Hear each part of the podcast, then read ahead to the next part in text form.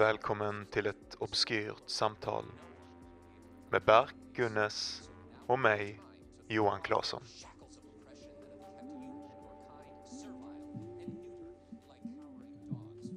Har du kommit hit för att träffa mig vid livets stränder? Det är någonting jag alltid velat göra, jag skrev en musikal tillsammans med någon. Ja, ja, ja. Det frågar du mig officiellt nu. Jag tror jag gör det faktiskt. Ja, Jag tror Ja. det är där vi hittar vårt riktiga Det- konstnärliga uttryck. jag har vetat detta. Jag kommer ihåg när jag bestämde mig för att jag skulle satsa på skrivandet fullt ut. Mhm. Eh, alltså jag, bara, när jag, jag kommer ihåg till med när jag, när jag var och när jag sa det till mina föräldrar att jag bara Mhm. fuck it, jag tror fan att jag kan göra detta så. Jag tror att jag kan göra detta mannen. Eh, Snackar du som en mamma? Ja, ja, ja. Du vet, jag är ju kriminellt, alltså tungt kriminellt belastad. Ja, Och, det, vi eh, det, ja. Och de är livrädda för mig. Så att det här var ju sagt under vara, ja. duress. Alltså. Ja, ja. Det var hot, hot, en hotfull stämning och jag som håller på. Och då har vi precis sett Billy Elliot, Aha. den här musikalen. Va? Och jag är, jag, det är någonting med musikaler och även Disney-filmer. Vi hade samma känsla du och jag när vi var så i Djungelboken. När man var så här. Det här är fucking en... Ja. Det värsta är att sen har man inte blivit den sortens författare för att man är för dålig för det. Ja, exakt. Så man håller på och försöker skriva en massa konstnärliga grejer, men vad man egentligen vill skriva, det är ju musikaler Mm. och det är ju så här perfekt berättade, mm, dramaturgiskt kurva Disney-filmer. Typ såhär en Pixar-film eller någonting. Ja man. vet så jag satt i bilen med mina föräldrar på väg hem från Billy Elliot. Hög på den här Billy Elliot-känslan. Han har vågat dansa ballett istället Det är en för att... extremt emotionell film. Det, är att mycket, det här var en, eh, en, en musikal. M- musikalisering, tror jag med kanske musik från Elton John. Ja men han har skrivit musiken till, absolut jag har lyssnat på den själv till och med Ja. på Spotify. Så jag var och såg den på Malmöoperan. Uh, grät du lite när du kollade på den? Uh, ja, eh, kanske inte. Jag vet inte. Jag vet inte om det var den sortens vibe. Jag var där med, med min dåvarande uh, tjej, så jag vet, det var kanske, jag spelade kanske lite tuff. Fast det, ja, det, gör, jag vet jag, det gör jag sällan, alltså jag gråter rätt mycket. Jag, inte, alltså jag, jag påstår att jag är emotionell när jag kollar på film. Men jag vågar Ja. inte gråta framför min flickvän. Jättekonstigt. Inte för att jag inte vill, det är inget sånt jag medvetet gör. Jag bara, jag bara får inte ut det. Eh, Det bara Mm. känns som att det finns en sån maskulin liksom, filt över allting som jag måste bibehålla. Typ. Om du hade sett Stray med mig alltså. Om vi hade kollat på Stray, den här jävla hunden med de här jävla de här hundarna i Turkiet. Den filmen. Jag har sett den. Du har sett den? Nej det är katterna jag har sett. Ja, vad snackar inte det. Nej jag har inte sett Stray. Är det, är jag, det, jag tror den hette det. Ja. är inte det, men de var ju exakt likadana om katter. Det finns en med katter, men det finns en med hundar. Jag snackade om den här på det någon gång, Mm. att uh, det, den här hunden som sitter och ylar på slutet av filmen, eh, den försöker ta ton och sjunga med när mina rätsångaren liksom eh, sjunger ut uh, bönerutropen. Liksom så här, och det, jag höll, på att bö- storböla. Alltså den här jävla fina hunden ligger där på en gräsmatta. Ooh! Men jag har upplevt det på riktigt. Och det är någonting speciellt mot att vara typ i Istanbul och gå runt med de här jävla gatuhundarna. Som alla har sina små platser, sina, sina hem, sina bon som de vaktar med livet. Och på kvällarna det står kriget mellan hundarna. Det finns så mycket där. Så mycket riktiga berättelser som vi aldrig kommer nå Johan, du och jag. Det är sant. Det är sant. Men nu den är- här, um, det här musikalnumret som vi började jobba på för en tre minuter sedan ungefär. Mhm. Den eh, kommer gå ja absolut. Det, är, det är den som kommer ja, ta oss ja, dit. Ja. Det är den som kommer ta oss, för då kommer man, du vet man, man gör inte en musikal utan att ha med liksom alla sådana här, det är någon sierska som Jag vet nog vad du ska bli för något! Och det, det, som är en väldigt arketypisk karaktär. Och sen så kanske hon har ihop det på någon vänster med eh, den onde guvernören och han har alltid en sån Herren och jag ska härja! och sen så kanske det är ett ragtag-gäng av kanske, ja men vi ska definitivt ha en hund med eh, någon liten kanske eh, så zigenarpojke. Det får man Ja, säga i den, här, absolut. i den kontexten. när det är en Absolut, liten absolut. zigenarpojke, då får man, annars heter det romer, jag, jag hör dig. Men just i den här kontexten när han har en sån liten, liten kanske keps. Mhm, Du vet en sån, mhm. ko- alltså så här. Som att han är en skeppare på 1920-talet. En Blir han typ inspirerad av ett gäng svarta män som gör sån... dum, tss, dum, tss, Jaha! Du, okej jag, är- jag är exakt, alltså det är lite Aristocats fast inte... Men, det, det, var, det var så mycket blackface jag någonsin kommer göra på den här podden. Det var kanske inte asövertygande. Jag hade kanske man kommit, kommit undan med det om jag inte hade erkänt att det var det jag höll på med. Men... Men det är det som är liksom kärnan av berättelsen. Den där lilla zigenarpojken träffar Ja. på det här gänget av Ja. svarta bluesmänniskor som Ja. Vandrar runt i olika städer och sjunger lite så här låtar utanför klubbar Ja. och barer och sånt. Ja. Och så blir han inspirerad av att försöka ta sig in dit. Medan Du kan inte hänga med oss grabben! Exakt så. Jag kommer aldrig släppa min dröm! Och så får vi in hela Billy Elliot-känslan där också. För att ingen zigenar liksom Just det, för han vill dansa. ju- De är ett bluesband, han vill dansa ballett. Nej, alltså när de spelar sin, eller gör sin grej. Nej, nej, är det så Nej. du tänker? Jag tänker inte att det ska vara Billy Elliot på riktigt. Nej jag tänkte inte så förrän du sa Billy Elliot. Men sen Jag nu menar eh, det här att det finns en... en tänkte jag en, att han bara står och gör piruetter mitt så här inne i Det hade varit någonting gong. fint. Snurra fort som fan liksom. Jag tänkte mer att det skulle vara typ såhär, zigenarfamiljen vill att han ska gå och göra traditionella zigenar, mm, alltså saker. Oj, nu, alltså jag vet inte hur många gånger du kan säga det. Alltså det är Men det är massa- okej för att jag, jag har, jag har zigenarblod i mig. Oj, okej. Det, det är väldigt, kommer- väldigt troligt att jag har det. Just det, du kommer... Troligt. Oj, ja, men, ja. Nej men det är det. Alltså vi gjorde, vi gjorde DNA-test. one ju. drop theory. Nej nej nej, inget sånt skit. Vi gjorde DNA-test och jag har 0% turk i mig. Och lite, Ja det behöver du inte berätta för mig, det ser jag lång väg. Du Ja, har men du hade 99% bara vit man. Ja, och det ser alla och alla har vetat, uh, Neffi, din, din, din tjej, hon har berättat för mig eh, hur vit du är. Eh, att eh, om det är någon av oss två som skaffar en George Foreman grill så är det ju du. men, grej, men du måste också fatta nej, därför att det finns ett element av kompensation Johan. Du När kan man- slänga man- jag upp ett par kotletter. nej, nej, nej. Jag är inte 99% svensk, jag är typ 70% svensk. Men så, så finns det ett element av mig som vill kompensera för icke-svenskheten. Så jag, jag dialar upp svenskheten en aning. Och Just därför det. blir jag inspirerad av sådana saker och vill det. Just Det är det. precis som du har en droppe, en droppe Mellanöstern i dig. Någonstans. Jag är 100% Mellanöstern, det vet alla. Alla som vet någonting vet det. Nej. Du, du, du, du är väldigt svensk. det är väldigt sant. svensk. Men jag gillar i alla fall att du, att du pratar som en blatte med dina föräldrar. För det gillar jag. Det är någonting du kan fortsätta med. När jag hotar dem. När jag hotar dem. hotar dem, ja. Att jag ska skriva musikal.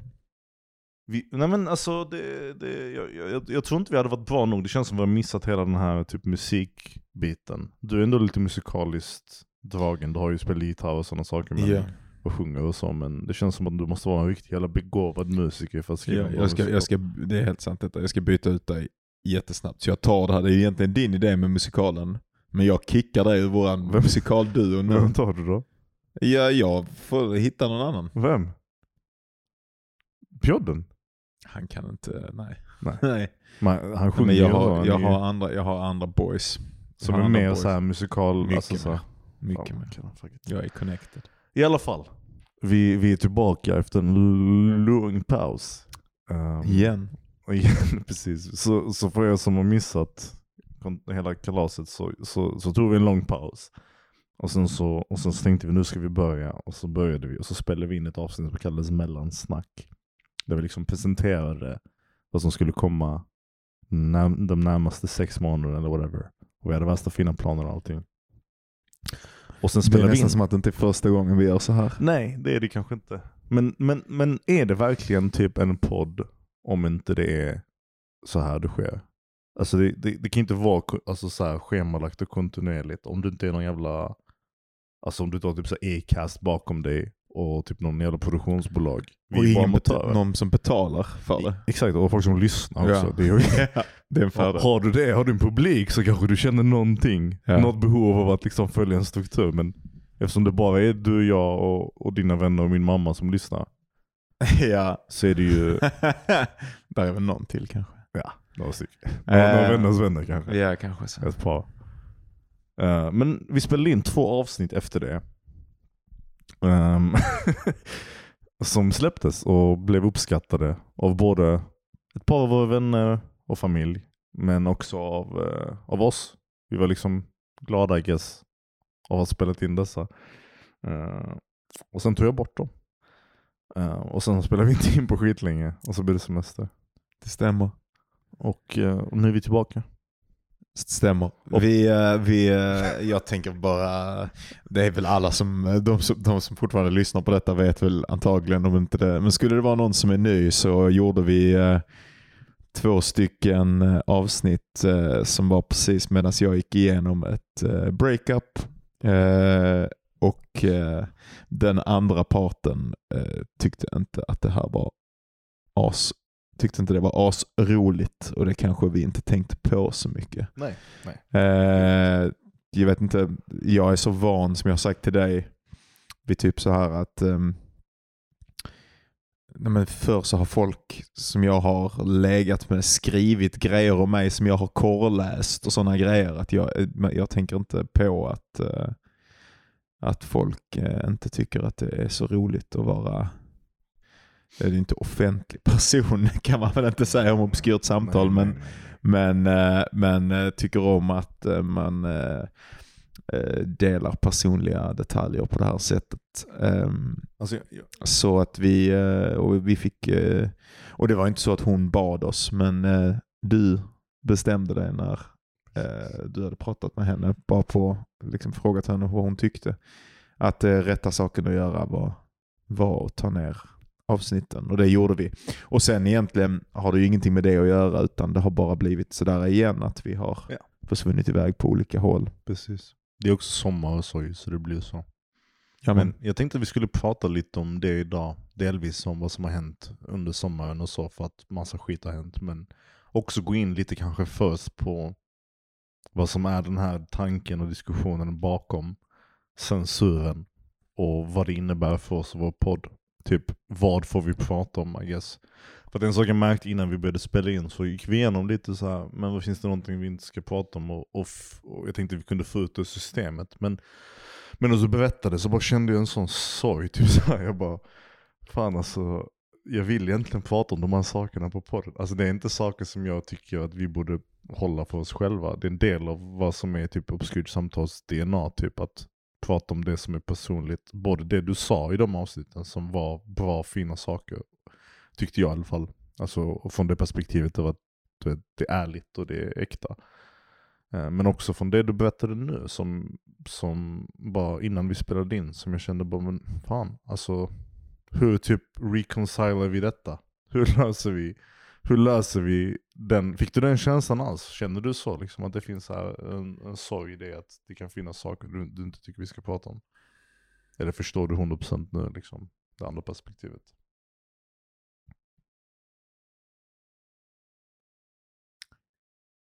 Förstår, och förstår. Um,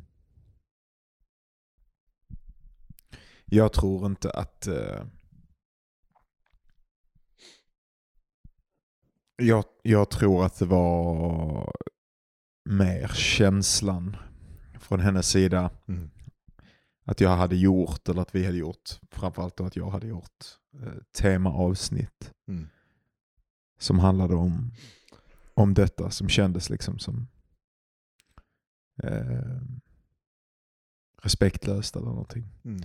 Eh, så jag tror inte att det är så att jag är, är begränsad från att, från att prata om, om oss på det sättet. Mm. Men, men eh, samtidigt så vet jag inte heller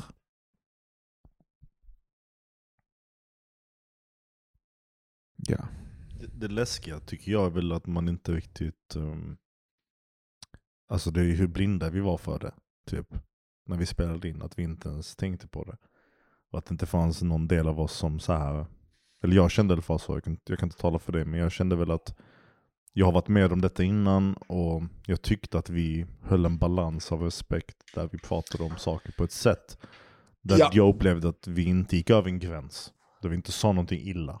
Men Men det är inte Såklart, det det handlar nej om. det heller. handlar inte om det Nej. exakt. Det handlar om, om principen, om ämnet, om att personen blir diskuterad. Alltså jag tycker fortfarande, jag, jag tror att eh, de som jag har pratat om skulle hålla med om detta och kanske till och med hon om hon hade eh, lyssnat på det. Att eh, vi gick över några särskilda gränser utan, och hon lyssnade ju heller inte på det. Mm.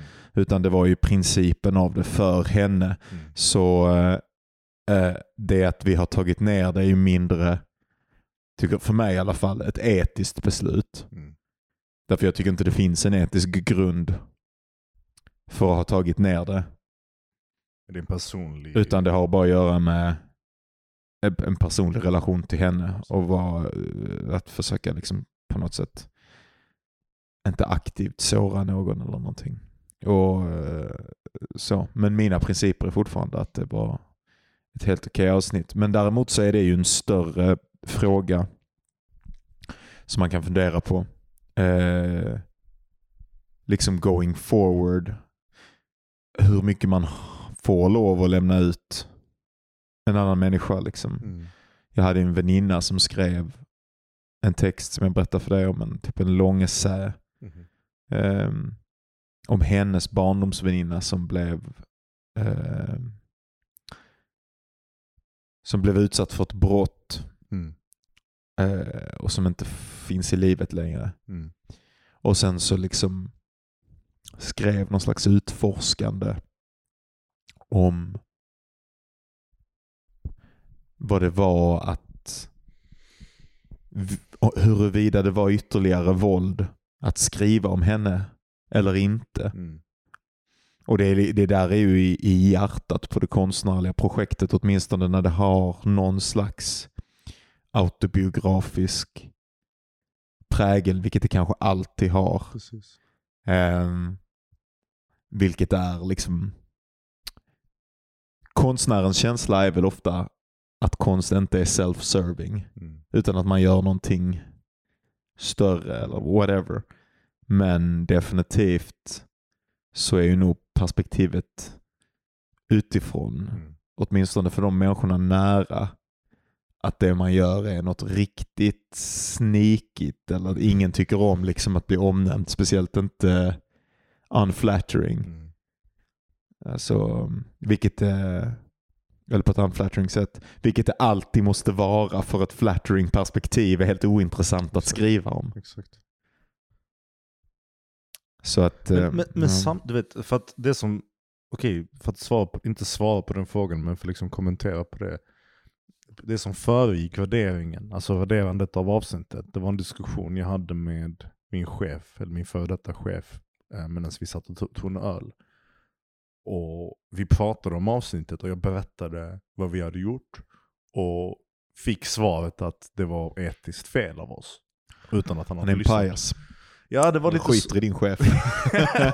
ja men det blev en stor debatt. Jag utmanar honom nu på en jävla youtuber boxing match. Alltså jag har fucking däckat den killen. Ja, men han, han hade inte lyssnat på avsnittet för Nej. det första, så det, var det, det, det provocerade mig jättemycket. Men, men det han pratade om, det var den där principiella idén av att spela in och prata om någon annan, precis som du säger, utan att eh, ha den personens tillstånd. Och Ja, utan det- att veta om det är okej för den personen. Men jag antog då, sa jag, att det var okej för att ämnet, kategorin, det vi snackar om egentligen, är utforskande av oss. Vi två, det är vi som driver podden, det är vi som berättar om vad vi känner och tänker. Ehm, och så pratade jag om Knausgård som vi också hade pratat om tidigare. Ja. Och hela den här idén av det här konstnärliga perspektivet av ett berättande om någon annan. Där Knausgård berättar om sina barn och sin fru, eller vad det var, jag kommer inte riktigt om det var hans fru eller flickvän. Men, Ja, och hans rätt så dåliga saker om dem. Typ att han inte gillar att vara en förälder, att han inte gillar sina barn ibland. Att det finns en, en, en sån grov, äcklig ärlighet i det. Som från två perspektiv är, är två separata saker. Från barnens perspektiv, från hans vänners perspektiv, så är det precis som du säger tror jag. Eh, bara en riktigt sneaky sak att göra.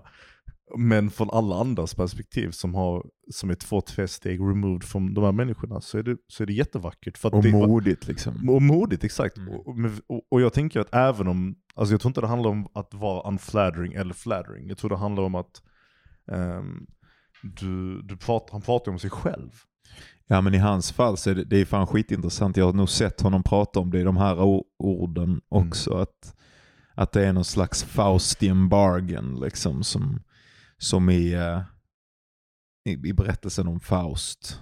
Som väl, ja, jag, vet, inte, jag har inte läst Faust vilket är en av de st- mina stora faux när det kommer till litteratur. Men ungefär så är det ju att han får en önskan kanske eh, eh, välstånd eller rikedom eller kvinnor eller vad, jag vet inte vad, han, vad det är för önskemål han får och att han eh, gör en deal med eh, Mefistofeles va?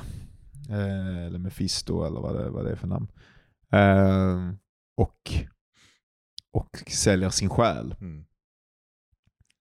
Och att det är något liknande som Knausgård har gjort. Alltså att de här, alla de relationerna som berörs av hans böcker är ju för evigt komprometterade Mm. av, av den här handlingen. Men Jag tror man fattar det när man läser och det är därför det känns så fucking spännande att läsa. För att det är så här, Man är, man är nästan en svart ritual, men Ja, det är liksom exakt. uppenbart att han offrar någonting Ja, ja, för ja. konsten. Precis, Ja. precis. Eh, exakt. Och, och, men, men jag tolkar det på, på en annan nivå också, lite som att det är, alltså, att vara så grovt ärlig och fucka ens relationer så uppenbart genom Ja. att se de här sakerna. Det säger mer om honom än det säger om personen de pratar om. ja, visst. Och det skapar någonting intressant i be- berättelsen. Det gör så att han är bara ultra ärlig. Ja. Typ den ärligheten kommer från det. Det är såhär, kolla på mig, jag, jag är riktigt efterbliven. typ. Ja. Jag gör de här sakerna Sant trots att... mänsklig liksom. Ja, exakt. exakt. Verkligen. Ja, jag, är, jag skulle aldrig kunna. Jag, är, jag tror ju på mig själv som... Eller jag tänker på mig själv som ärlig. Jag tänker att jag ibland nästan har överdrivit i den här podden för att framställa mig själv som ärlig. Och jag tänker verkligen att jag inte ljuger längre. Mm. Jag ljög när jag var ung ju. Mm. Nu gör jag en stor sak av att inte göra det. Ehm, men, men att vara ärlig på det sättet som han är. Mm. Alltså med sådana riktigt fula grejer. Mm. Ehm, Men hade du, kände du att du har kapaciteten att kunna göra det om Nej, du jag- velat? Nej, nej, fan. Alltså jag vet inte, jag försöker ibland pressa mig. Du vet, det finns saker som jag inte vågar skriva Mm, exakt. i mina Ja, böcker. ja, samma sak, absolut. som jag skulle vilja skriva Mm. för att jag bara tänker att min släkt och sånt kommer Mm. Läsa detta. Och, och de, de andra människor fattar inte vad det är att vara i en konstnär, alltså vad den konstnärliga handlingen är. De tror att jag sitter och tänker på det här privat liksom, eller de tror att det här är fläckar av sig på min karaktär. Mm. Eller, eller att det, det här betyder att det är det enda jag är. Därför att det kommer på något sätt från ett, ett missförstånd om vad människan är. Att man tänker att människan eh, har någon slags ehm, har någon slags stabil kärna och om någonting kommer upp inom människan ehm, så är det här en del Mm, av kärnan. mm, Det säger någonting om vem de är. mm. Men en människa är inte så, utan en människa är massa goda sidor och en massa onda sidor och en massa... Och det är ju det här, det är detta som är skådespeleriet, det psykologiska porträttet som Mm. romanen till exempel är. Det är ju framställningen. Du, du kan ju inte skriva... Stephen King kan inte skriva... Stephen King har absolut funderat på vad det är att döda ett barn. Liksom. Mm. Stephen King har absolut funderat på alla möjliga jävla konstiga grejer. Mm.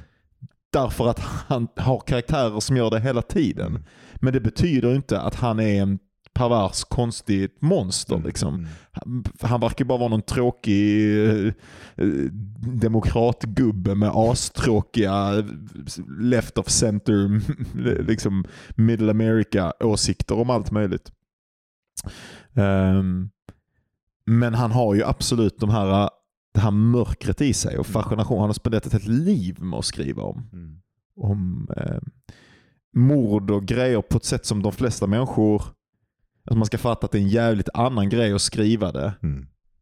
ändå än vad det är att läsa det. Alltså om, om man läser en skräckbok då, då kommer du bara i kontakt med det lite plötsligt. Men om du skriver det, då har du suttit och funderat. Mm. Då har du funderat, hur gör jag den här framställningen? Så att någon annan bara kan gå igenom den sådär snabbt och bara få den lilla chocken. Eh, Så fast det är slock litteratur så är det liksom någon slags mörker som finns i honom. Och grejen är ju att den sortens konst är ju ärlig, för alla människor är så Mm. de människorna som inte tror att de har mörka fantasier eller åtminstone mörka tankar som bara kommer upp ibland. Som inte plötsligt bara får för sig att de skulle liksom Ja, jag vet inte. Döda någon som eh, kör framför dem i trafik. Alltså så har en liten våldsbild i huvudet om någon som gör någonting i trafiken. Eller som bara tänker jag skulle fan kunna knuffa den där tantjäveln framför tåget nu. Alltså så här, den sortens jävla grejer hostar ju hjärnan ur sig Mm. hela tiden. Liksom. Och det konstnärliga projektet och, och, och kanske villainen som typ. Det här är ju styrkan med villainen då. Det är, en klassisk eh, spaning. Liksom, att, att boven, alltså jokern, typ så här, är ofta en, eh, en röst för författaren Mm. och säga det som är omöjligt att säga i samtiden. Och det är klart att de blir besegrade därför att obviously så vill alla att goda värderingar Mm. och grejer ska eh, prevaila liksom. Eh, men den här onda mörka sidan, de här eh, fula böjelserna och grejerna som verkar vara, som också liksom Knausgård är inne i hela tiden. Um, så det är fult och ärligt på ett sätt som jag inte vet hur man gör en. Utan att det blir löjligt. Alltså förr så hade jag mycket så här barnmördare och sådana grejer med i mina berättelser. Men jag har ju, det är ju verkligen inte en del av min... Det är bara för jag ville vara chockad. Alltså jag har ju växt upp med death metal och som jag pratat om här, liksom transgressiv konst och sådär. Men det var ju verkligen oärligt. Då var det bara så här, men jag kan, och det har du och jag pratat om, det är en typisk sån killgrej. att Kan jag skriva något äckligt och jävligt och värst så ska jag göra det bara för att det, det är nästan som att visa någon annan sin snorkråka typ. Att det är så här bara, titta vilken fucking Ja, sjuk skit ja, jag kan göra. Alltså jag, det första utkastet jag skrev var, alltså det, det var, många undrat varför de inte får läsa det. Och mycket att göra med att det är bara, alltså, Våld, våld, våld. Vå- Ja, det är Ja. bara våld, det är bara så här sexistiskt, våldsamt, äckligt. Det var någon som, fan var det som sa, det var ett av mina ex som läste någon sån grej för mig. Det hade att göra med manliga författare, att alla manliga författare ska tvunget säga typ hora och n-ordet och grejer i, eh, i sina, de ska komma in i texten hela tiden. De kan bara inte hålla sig borta. Och det är nog någon sorts sanning i det, att det är även där, man får bara sätta de orden i munnen på någon annan. Så bara, åh vad skönt. Men det, det är här också- har jag aldrig kunnat säga. Men det är också en, en del av ett utforskande i tidigt författarskap bara. Och det, och det är bara de Såklart. nivåerna man får, eller de lagen man får gå igenom för att komma dit man är idag. Såklart. Och jag menar, alltså fine. Och, Och ett försök på, eh, alltså en, en, ett, en ansats på ärligheten. ja, ja. ja, ja, exakt. För att kunna komma åt den riktiga. Ja, ja. jag kommer Ärligheten. jag kommer ihåg när jag började skriva att jag hade läst något jävla citat av Ernest Hemingway när han hade skrivit att allt du behöver göra för att skriva en bok är att snitta upp en ådra och blöda ut på pappret typ.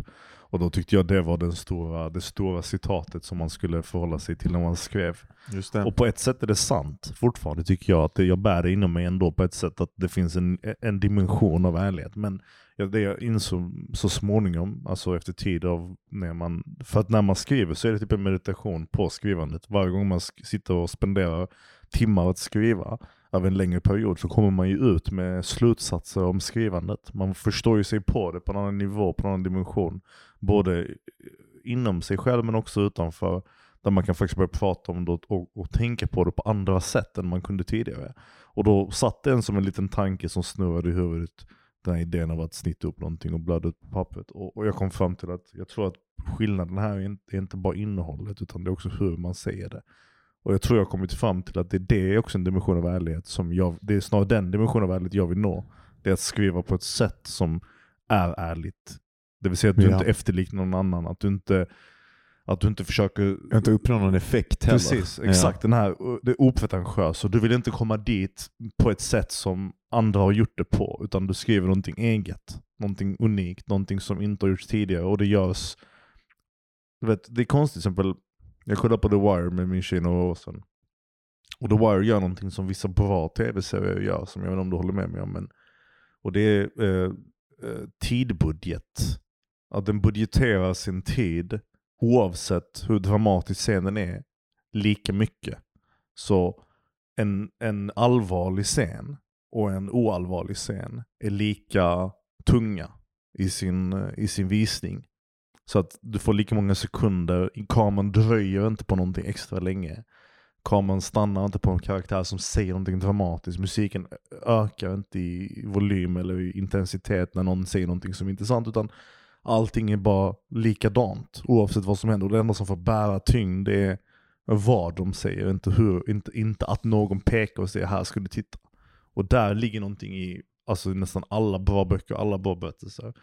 En, en, ett tillit till själva texten att säga eh, säg vad du ska säga, men jag ska inte peka dig mot den texten och säga nu ska du känna detta eller tycka detta. Jag tror, att jag, jag tror att jag är med på lite grann vad du menar. Jag vet inte om alla bra, för jag tycker också att det finns något extremt hantverksmässigt i motsatsen. Alltså när det är väldigt snappigt, men det är ju ofta det som är exemplifierande för underhållnings-tv eller Mm. underhållningslitteratur.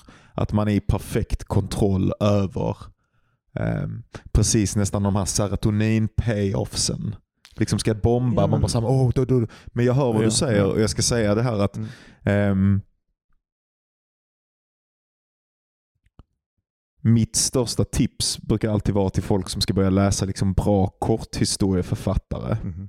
Det här har lite att göra med, med det du säger. Mhm. De flesta korthistorier som är så väldigt ansedda känns, är alltid konstiga att läsa första gången. Mm. Speciellt om man inte är en van läsare. För de har alltid känslan av va? Vad, vad är detta det? Ja. Därför det, de har inte de grejerna som du förväntar dig att en berättelse ska Mm. ha. De har inte den stigningen, de har inte den grejen. Mhm. Men i regel, fundera på vad det är de inte har som du förväntar dig ska vara där. Mhm. Och där finns poängen. Mm. Så där de bryter mot formen, nästan alltid. Det är där, det som är där istället. Har du något exempel Någonting. på någon, på någon kortberättelse som, som gör det på ett bra sätt? Alltså alla, eh, jag pratade med en polare om Borges Mm. eh, häromdagen och, och vi pratade specifikt om det där också. Att alla Borges berättelser har ju den känslan av att ingenting riktigt händer. Mm. Eller saker händer, det är klart saker händer men saker spelar inte ut sig och de sakerna som händer är bara en det är bara en, en skitmärklig sekvens. Mm. Liksom. Ofta bara en idé, Mhm. typ en konceptuell idé Mm. som bara ska få lov att ta plats. Och så ofta så är det en setup Mm.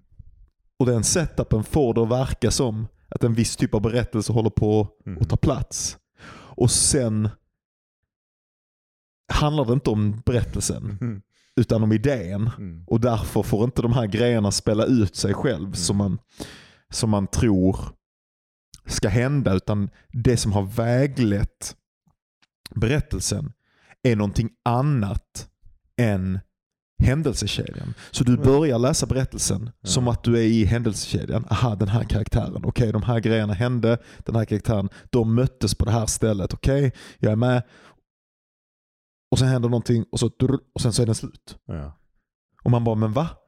Vänta, det här, det här, ingenting spelade ut sig. Nej, för det handlade aldrig om de karaktärerna Nej, nej. och den.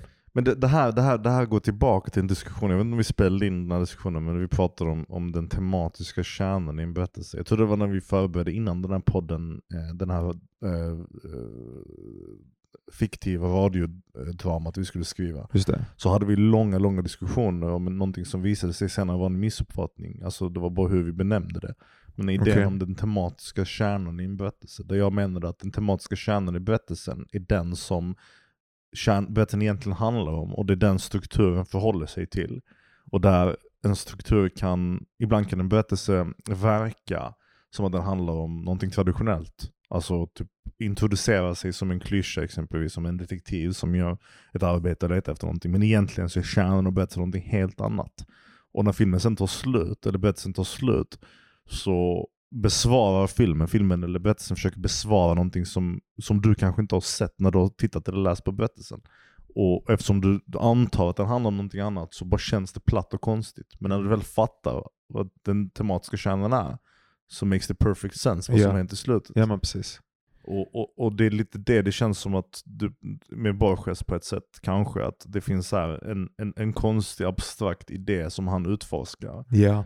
Men det är aldrig vad du förväntar dig att det är. Nej. Och det Därför krävs du att läser du det läser om det. Ja precis. Du läser den som en vanlig berättelse. Jag tänker att det finns någonting liknande. Ja, det är inte exakt samma Nej, sak men det är någonting liknande. Um, någonting liknande med The Wire. Mm. Alltså hur o-tv-serie, jag har bara sett ett par avsnitt, men Mm. ändå hur o-tv-serieigt Mhm. den är. Och det är ju Sopranos också som du Ja, också ja. gillar. Så att det är de, allting bara känns lite för långt och lite Ja. för inte stort nog och inte dramatiskt nog för vad det är som gestaltas. Men i det finns hela Mm. det som är Mm. poängen. Ja, alltså, jag kollade på, på Sopranos med, med min tjej, vi avslutade den precis. Och och hon tyckte inte om serien förrän säsong fyra. Utan hon Mhm. försökte så här hela tiden bara, men det är någonting, jag, jag fattar inte, det är bara en jävla maffiasnubbe, det bara har ingen betydelse. Och så sa jag till henne, bara, men vi fortsätter titta, vi fortsätter titta. För, för jag vet att, precis som när man läser, så måste man ha, man måste ha verktygen för att titta på saker. Ibland är saker på en viss nivå av berättande. att du måste ha verktygen för att kunna förstå dig på dem. Och innan du har de verktygen så, så kommer du gå till den enklaste och kortaste eh, vad ska man kalla det, nämnaren. Vilket är klyschan eller genren. Så du kommer tänka, okej okay, så serien eller berättelsen handlar om det som den till det yttre verkar handla om. Men när du väl har lärt dig de här verktygen och hur du tittar och vad den försöker säga. Då kan du se förbi klyschorna och så kan du se vad är det egentligen berättelsen egentligen handlar om. Och då plötsligt när man tittar tillbaka så är de sakerna har, de har en helt annan dimension. Och jag tror hon fick det efter säsong 4. Hon typ, vi hade, det var något, jag vill inte spoila såklart, folk har inte sett serien kanske. Men det hände någonting liksom ordentligt stort där i säsong 4 och 5. Och det fick henne att bara såhär, aha okej, okay, nu fattar jag liksom. Alla de här scenerna, de här stunderna, de här replikerna, de här människorna. Allt vi har sett och de här, och du vet hur den grenar ut sig. Den har jättemånga olika små karaktärer. Nefi brukade säga typ, ja men det är en karaktär i början, han är med i typ fem minuter, så ser du honom inte på två säsonger. Och jag bara, men det är det som är genialt. Men hon tyckte inte det i början, men sen till slut så fattade hon att okej, okay, men den här, den här berättar någonting som medvetet, långsamt, ordentligt, genomtänkt, rakt igenom från början till slut har en, en, en, en riktigt stabil kärna som den, som den liksom, allting snurrar runt som, som serien försöker prata om och berätta för oss. Och då klickade det liksom. Men det är de här verktygen, du måste ha de verktygen. Jag hade inte de verktygen när jag började titta. Jag hade inte det för Dwyer och jag hade inte det för böcker heller. Och jag hade inte det för berättelser i allmänhet. Men när man väl har det, då helt plötsligt så öppnar ju massa saker upp sig på ett annat sätt. Och jag tycker, ja, jag vet fan. Hur fan kom vi in på detta? den, den konstnärliga viljan att vara ärlig I guess. Ja precis. Uh, men ja. Uh, vi ska väl hitta något sätt att vara ärliga. Men jag tycker också i vilket fall som helst nu, det här kanske blir ett metaavsnitt nu i alla fall. Jag har sagt tidigare att vi inte ska ha sådana, men jag vet inte vad. Men därför jag känner att podden, ehm, alltså, eh, alltså eh,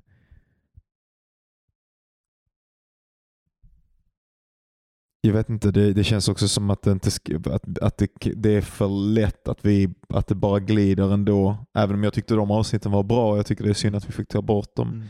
Mm. Um, så vill jag inte att vi glider in för mycket på på um, alltså att det här bara blir en, en ljuddagbok liksom, ja, eller någonting. Utan jag tycker att det ska vara förankrat i i konsten mm. och i liksom våra diskussioner och sådär. Och kanske finns det liksom en risk att, men kanske inte. Jag, jag vet inte. Ärligt talat, vi, det är väl bara att vi köttar väl på bara och sen så lyssnar de som ja, lyssnar antar jag.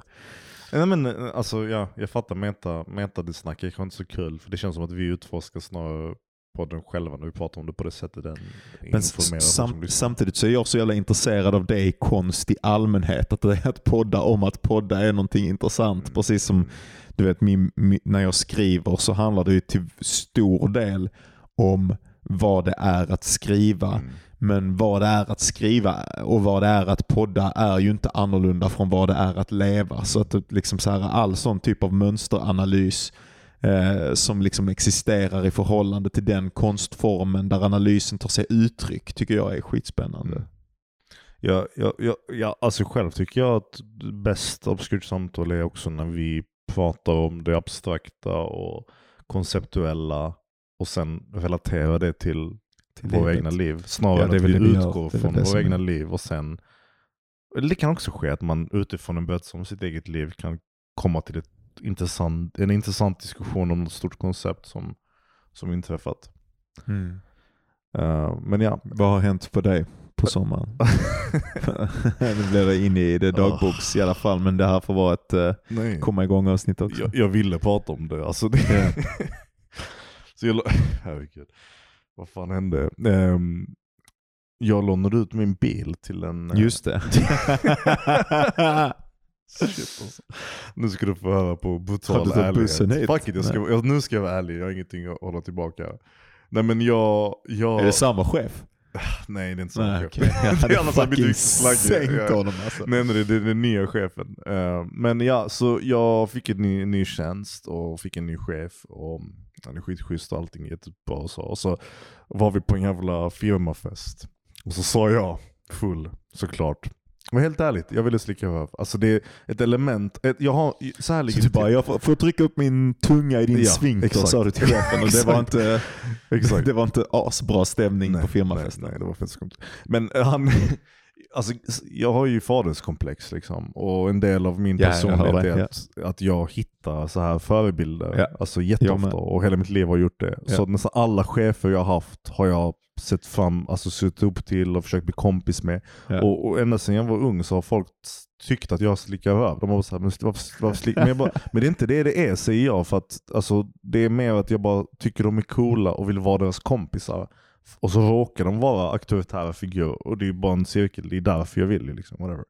Men den här killen är lite speciell för att den han är typ min ålder ungefär, så det är inte, han, är, han är inte äldre. Så det är inte riktigt så att jag har den här känslan av att jag vill nörda. Men det, element av det finns, jag ska inte ljuga. Det finns element av rövslickeri där Mhm. definitivt. Han är min chef. Man kan inte förneka. Så jag sa, du kan låna vår bil ju. När du vill. Vi använder inte den så mycket. Och det är inte min bil, det är min flickväns bil. Oj, oj, oj. Så jag äger som inte hon har fått av sin farsa va? Exakt. ja, Man fick, fick av sin pappa. Så jag sa det, och såklart så sa han eh, ja men nu på lördag. Och jag tänkte inte att han skulle göra det, så jag bara okej. Och sen så kom jag hem dagen efter och så sa jag till min tjej och hon sa liksom nej. Hon bara nej men jag vill inte det. Så jag bara men jag har redan sagt det. Så vad ska jag, alltså jag, bara, jag tyckte det var skämmigt. Jag bara tyckte det var skämmigt att, att ta tillbaka det. Så jag bara men kom igen, vi kommer inte behöva den. Jag tänkte ju att det värsta som skulle kunna hända var att Ehm, den bara inte, att vi, alltså vi, vi skulle kunna behöva den. Vi ska åka till Ikea typ. Okej. ja. Så han lånar bilen, han kommer och hämtar den på en tisdag. Jag visar honom, han kör runt lite. Allting är bra. Ehm, och sen är det, så är det såklart um, midsommar. ja. Uh, så midsommar händer skittrevligt. Dagen efter så smsar jag honom och säger hej, när kommer du? Uh, ja men han var utanför Skåne någonstans. Han bara, ja, jag kör hem ikväll klockan sex typ.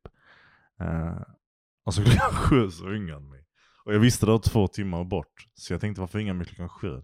Direkt när jag svarade telefonen så, så ser han bara såhär Berk, jag fuckade upp. Och så bara känner jag, alltså jag bara visste att någon, jag, jag, tänkte, jag tänkte att han har suttit med folk i bilen. Att han har dödat någon, att han har kört på ett Det barn. hade varit riktigt nice. Ja, ja. Det, det hade varit skitkul. jag har dödat, jag har dödat, jag, jag råkade plocka upp en hel jävla familj av eh, så här liftare. Jag körde kanske fem minuter och sen bara dödade jag allihopa. Så jag kunde inte hjälpa det. Mark, det fuck. Ah, ja. Ehm, och, eh, så han, tydligen så hade han kört eh, där på kvällen och så hade han uh, krockat in i ett träd. Och Ja. bilen var helt demolerad. Alltså Ja. helt demolerad. Eh, framsidan var typ helt intryckt på vänster sida. Typ axeln eller vad det hade lossnat. Alla lampor var sönder. Ingen airbag hade pressats ut, inget hade hänt.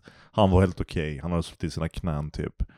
Ehm, och så bara, det- så, du vet jag satt i telefon och Neffi där bredvid bara, alltså man bara såg hur det kokade i henne. Alltså hon var så jävla arg. Alltså jag har aldrig sett henne så arg.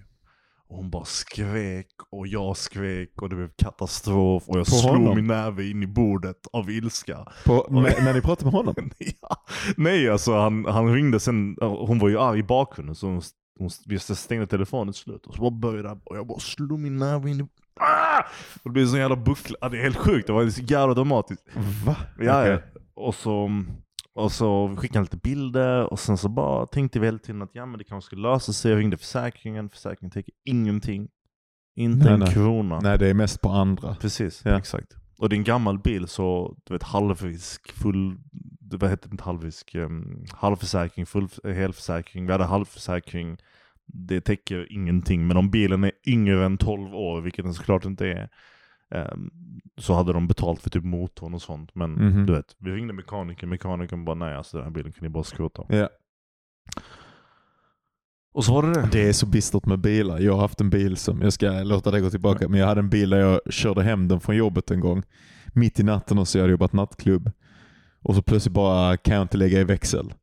Medan du bara- körde eller? Medan jag körde. Jävlar. Och jag är på väg på motorvägen. Åh, jag får jävlar. bara ställa mig på sån här mittgrej som Ja, är där. ja.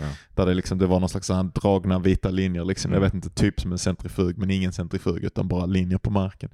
Ehm, och eh, och det bara är växellådan som bara har kvaddat. Ja. Och jag fick ringa farsan, han fick komma och hämta mig. Och bilen eh, gick inte att göra någonting med så de bara fick skrota den. Va, det, Det är bara för du vet, jag bara kör hem, det är bara en helt fungerande bil, asbra, eh, whatever. Det, det bara är för dyrt att reparera den jämfört med vad den är värd. Man får skrota den. det är helt sjukt. Ja, Ja, jag Alltså, man tänker att en bil... Kan det eh, hända? Ja, visst. visst. Vilken pissgrej Ja, alltså. Jag menar, och grejen är också att när man väl har en bil, alltså den frihetskänslan att kunna köra vad man vill, att kunna göra vad som behövs, Ja. att kunna gå och handla, gå till Ikea, köra till Stockholm eller whatever istället för att ta bussen, ta med sin katt. Allt det där bara kastas i papperskorgen plötsligt. Ja. Och, och ännu värre så är det min chef som är sen skyldig oss 40 000 kronor. Ja. Och det ska hanteras på ett smidigt sätt. Medans vi typ, jag i Turkiet, han i Kanada. Fucking saker är helt katastrof. Det, vi, vi, ja, till slut, i alla fall igår så löste vi det. Efter två månader så har vi överfört pengarna till Neffi. Och Neffi var helt såhär bara, ja hon var ju skitledsen på mig. För att jag hade ju lovat bort hennes ägodel. Ja. För vad?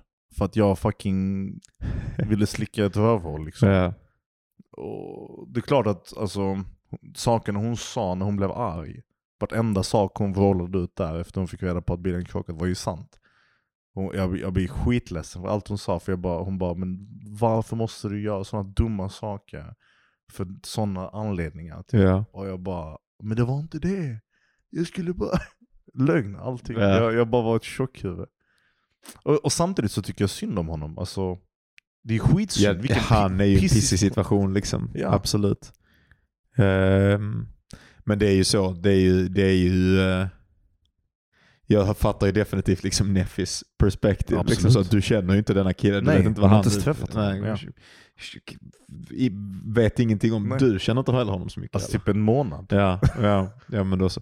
Men samtidigt, alltså vad fan, jag hade typ också, kanske inte lånat ut min flickväns bil, men alltså jag hade absolut kunnat låna ut min egen bil. Eller hade jag det?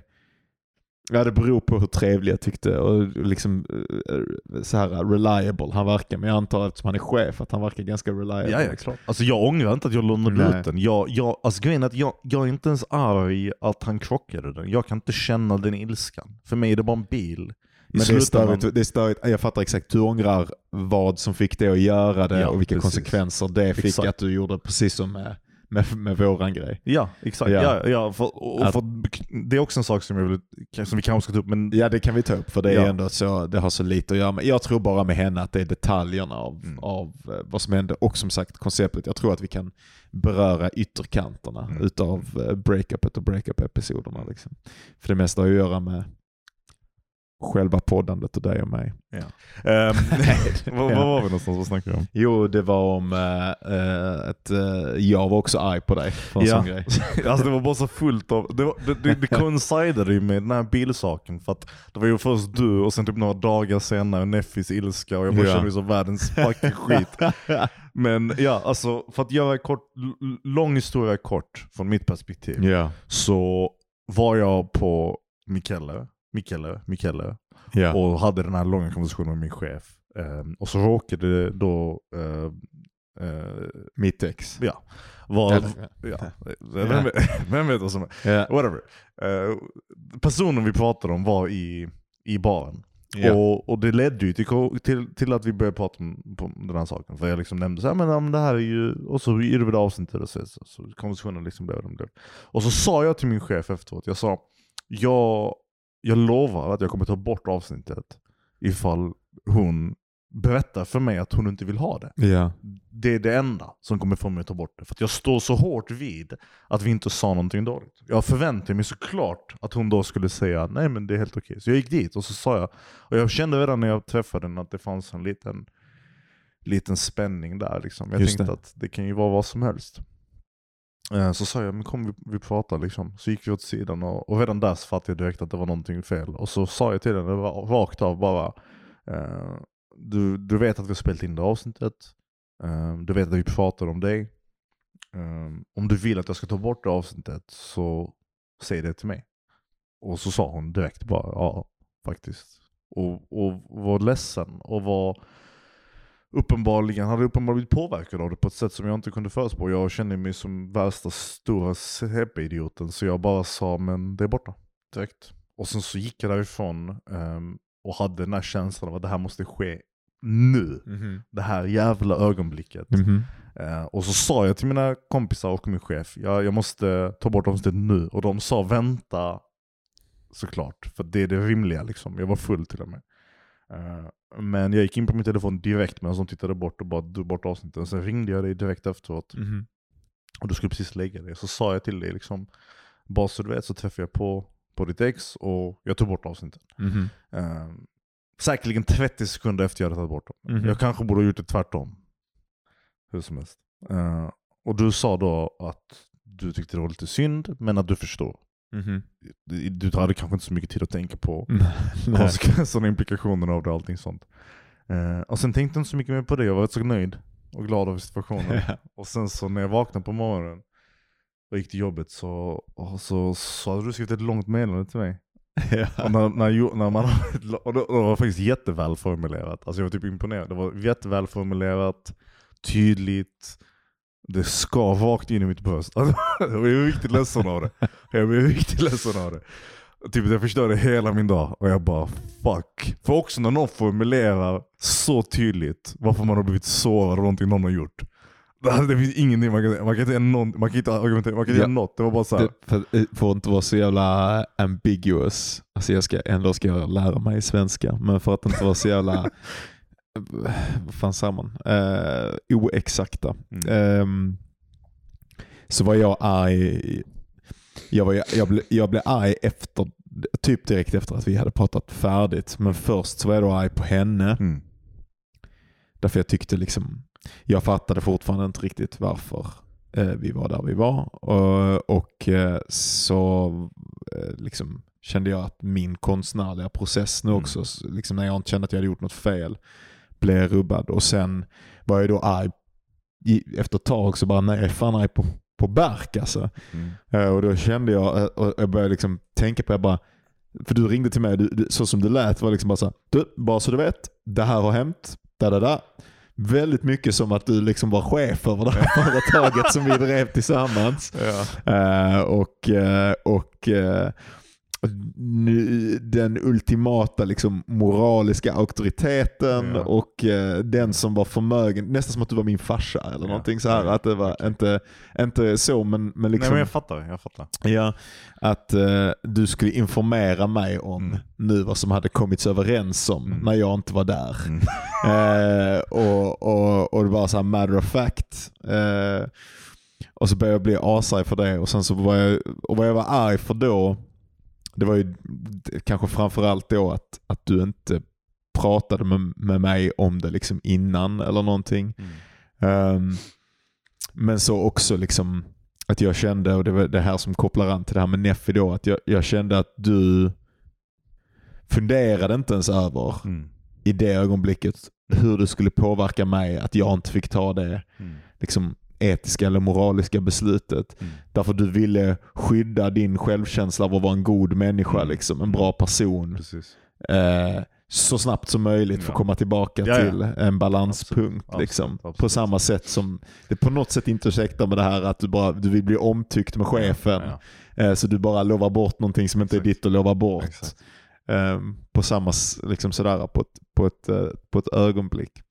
Men vi, vi blev vänner ganska snabbt efter det. Liksom. Jag lugnade ju ner mig sen framför dagen och, och hade liksom ett snack med, med ja skitsamma. Vi ska inte, vi ska inte, behöver inte gå in på personliga grejer med, mellan mig och henne. Men, men eh, eh, jag kom över det ganska snabbt men jag var riktigt, jag skrev nog fan till och med att det här kanske har skadat våran Ja, vänskap du. och, och sådär. Det kändes så då när jag skrev det. Nej jag förstår det. Alltså, och, det. Och det är ju de här sakerna, delvis att du väldigt sällan är arg. Åtminstone, jag har inte känt att vi har haft konflikt tidigare. Nej. Så att, att, det, att det kunde vara, att det kunde skapa en sån, en sån ilska hos dig, att du skulle kunna skriva det och, och formulera det på det sättet. Det är ju mer det som gjorde mig typ ledsen och fattade allvaret i situationen Mm. snarare än um, än innehållet. Det var bara så här, oj, alltså det här är så allvarligt typ. Mhm. Jag tror det jätteallvarligt. Och, och, jag- och du ville typ, jag ville typ ringa dig, för jag ville, jag ville såklart, precis som jag ville med, med ditt ex lösa situationen, lösa det med dig så snabbt Ja. som fucking möjligt. Men Eh, du ville inte. Du sa liksom inte nu. Och, och, och då, Ja. då satt jag bara på så toalettgolvet på jobbet. Och, Ja, för jag kunde inte sova. Ja, Jag, jag, förstår. sov ju inte på hela natten, så jag var liksom så här asarg.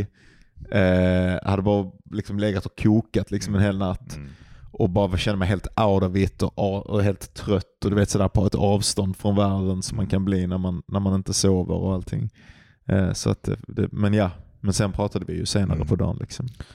Nej men det är det, det. Alltså det, det, var, det var dumt av mig. Jag, jag ångrar inte att jag, att jag värderade avsnitten, men jag ångrade jättemycket att jag inte pratade med dig först. Och, jag, och, och, och det är någonting där, det, det, det, den här konstiga känslan, den här, rätt, den här rättigheten jag tycker mig själv ha att kunna göra saker trots att det är andra människors ägodelar eller projekt eller beslut att ta. eh, På grund av den här rädslan att hamna i den här obekvämligheten. Mm. Där så här, allting måste ha en, en superbalans. Ja. Om det inte har det så bara måste jag. Tillbaka till balans Alltså, liksom. bara jag, det är sjukt. Alltså, jag, jag började snacka med en psykolog ju, eh, senaste halvåret. Och, och en av sakerna jag sa till honom rätt så tidigt var att, du vet om du känner igen dig i den här känslan, men, och nu ska jag citera 1984. Nice. jag måste, men det, det finns en replik i den. När Winston berättar hur det känns att få stryk. Eh, att bli slagen fysiskt. Och säger att när, det spelar ingen roll typ vad som händer och vad du är och vad du känner. När du blir slagen så finns det bara en tanke i världen och det är att du inte vill känna det här. Alltså, Mhm. det, det finns bara en st- st- stöveln i ditt ansikte, det enda som finns i det ögonblicket. Mm. Smärtan är det värsta i hela världen. Mhm. Och, och så känner jag nog inför all form av obekvämlighet. Mhm. Det man måste bort. Eh, och då blir det så att man gör sådana egoistiska efterblivna beslut som när såklart eh, konsekvensen av det är att man löser situationen inom citattecken så snabbt som möjligt. Men efteråt så får man med klarhet fatta att det beslut man har gjort, speciellt om man har människor som dig och som Neffi som säger till en att man har fuckat upp, vilket alla inte gör. Och så bara fattar man att man, att man har svikit ungen. För det är vårt, det här är vårt tillsammans. Och jag borde inte ha gjort någonting för att förstöra den saken. Och det är också en skör sak tycker jag. Vilket gör det ännu känsligare. Alltså, det här, är- det här är någonting som vi har kämpat mycket med och som vi har försökt skapa och som vi fortfarande kämpar med att försöka hitta. Um, och jag bara typ rädd att jag fuckade det. Permanent liksom. Men jag vet inte. Um, vi pratade om det i alla fall då och vi tog det liksom på ett bra ärligt sätt vilket jag uppskattade mycket från, från din sida att du, att du kunde se förbi till slut och fatta liksom lite mitt perspektiv. Ja, ja, ja, ja. Nej men jag fattar. Eh... Alltså jag fattar ju verkligen. Jag fattar ju verkligen den grejen med att eh... för mig så är det ju sällan Nej, men jag, jag kan nog till och med, jag kan nog till och med föreställa mig några grejer, gånger när jag har gjort liknande. Man- Man, kommer liksom in i en sån här eh, det är också skönt att få lov att vara den som gör i, i, i det fallet liksom det moraliska beslutet eller någonting I sånt. guess. Eh, att jag skulle nog också kunna vara den jäm, jämfört med när jag, ibland när jag träffar på polares ex och sådana grejer, att man Mm. nästan, nästan som att man står över över det som hände Mm. dem. Som att man är någon slags, det menar jag inte, jag vet Nej, inte om men du nej. känner igen riktigt vad jag, vad jag säger här. I det här Ehm. fallet så, så är det inte en, ett, alltså du existerade inte ens där om jag ska vara ärlig. Jag Nej. tänkte inte att jag vill vara över dig eller att jag, du bara fanns, det var bara hon och det var jag och jag kände ett ansvar för att jag hade varit den som tryckte på publiceringsknappen. Ja. Och jag bara, det var jag som gjorde det. ja. Men det var det inte egentligen, det var vi som gjorde det. Och det borde ha varit, inte, jag vill inte säga att det borde vara ditt beslut. För jag, jag, jag, vill inte, jag, var, jag tänkte på det efteråt, jag tänkte så här, vad hade hänt om Johan hade sagt nej? Om jag hade frågat honom och du hade sagt nej. ja. Det hade varit en skitjobbig situation. Ja, alltså en riktigt, riktigt bajssituation. Men, men jag tror att slutsatsen är väl att, jag tror, för det första tror jag inte du hade sagt nej. Eh, jag tror inte att, jag tror du hade förstått. Och, men för det andra är att det borde vara ett gemensamt beslut. Det borde vara någonting som vi båda två säger, det här är vad vi ska göra, Mm. även om det har konsekvenser och Mm. suger. Eh, Men inte ett där den ena har auktoritet över den andra och kan säga nu ska vi göra på det här sättet. Ja, och det som störde mig framförallt var väl kanske då att, eh, eh, ja men som jag sa, eh, att jag, jag kände, precis som du säger nu, att du inte ens tänkte på hur det påverkade mig. Ja, Liksom. Kanske som du inte tänkte på det påverkade Neffi. ja. Att du lånar ut den då, utan man tänker liksom så här, men det här löser jag i, i efterhand. Mm. Som att den andra personen som inte är där har ett mindre känsloliv än de personerna som är Mm. där. Och kanske då framförallt i det här fallet då um, en ditt känsloliv eller någonting. För det där är ju så jävla lätt. Du menar inte att du gör det, jag gör detta, jag tror att jag är mycket mera liksom, har narcissistiska böjelser än vad du har. Men det är ju definitivt liksom narcissistiska böjelser Mm. att eh, tänka att andra människors känsloliv ehm, är lättare att komma över eller diskutera. Alltså typ såhär när du gör det, du bara ja, men jag, jag kan nog fixa detta med Neffi. Liksom. Mm. Eller du kan, jag kan nog fixa detta med Johan. Mm. Men mina känslor är så stora att de kan inte Nej, fixas på något annat sätt än att, än att bara göra den här saken, den här materiella Mm. saken i materiella verkligheten. Än att bara lova bort den här saken, eller bara ta bort den här saken. Ibland, jag tänkte nu när du säger det så undrar jag varför jag då varför, lät, varför var hennes känslor så viktiga för mig i ögonblicket? Om jag var narcissist så borde jag bara skita i hennes och dina också. Men, Nej men eh, okej, jag menar inte, okej. nej, nej, jag menar inte att du tycker, säger att du är narcissist, men, men, men bara, jag tänker att jag har ett svar på det. Jag, det är Ja. som jag. Jag tänker att det kanske är den här, eh, alltså, ok, alltså, ska man säga, det är att man inte har eh, typ verktygen att kunna fatta en annan människas känslor förrän det är tydligt för en på ett väldigt eh, ett konkret sätt.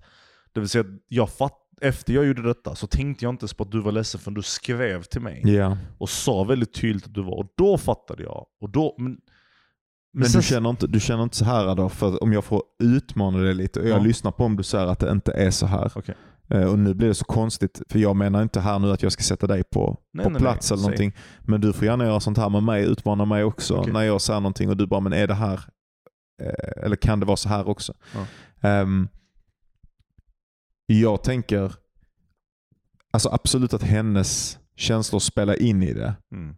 Men det, det kanske när du gör den riktigt snabba grejen Mm. så är det mer att du får komma tillbaka med balans med att vara en omtyckt och god person. Eh, det vill säga det har mest att göra med din självbild. Mm.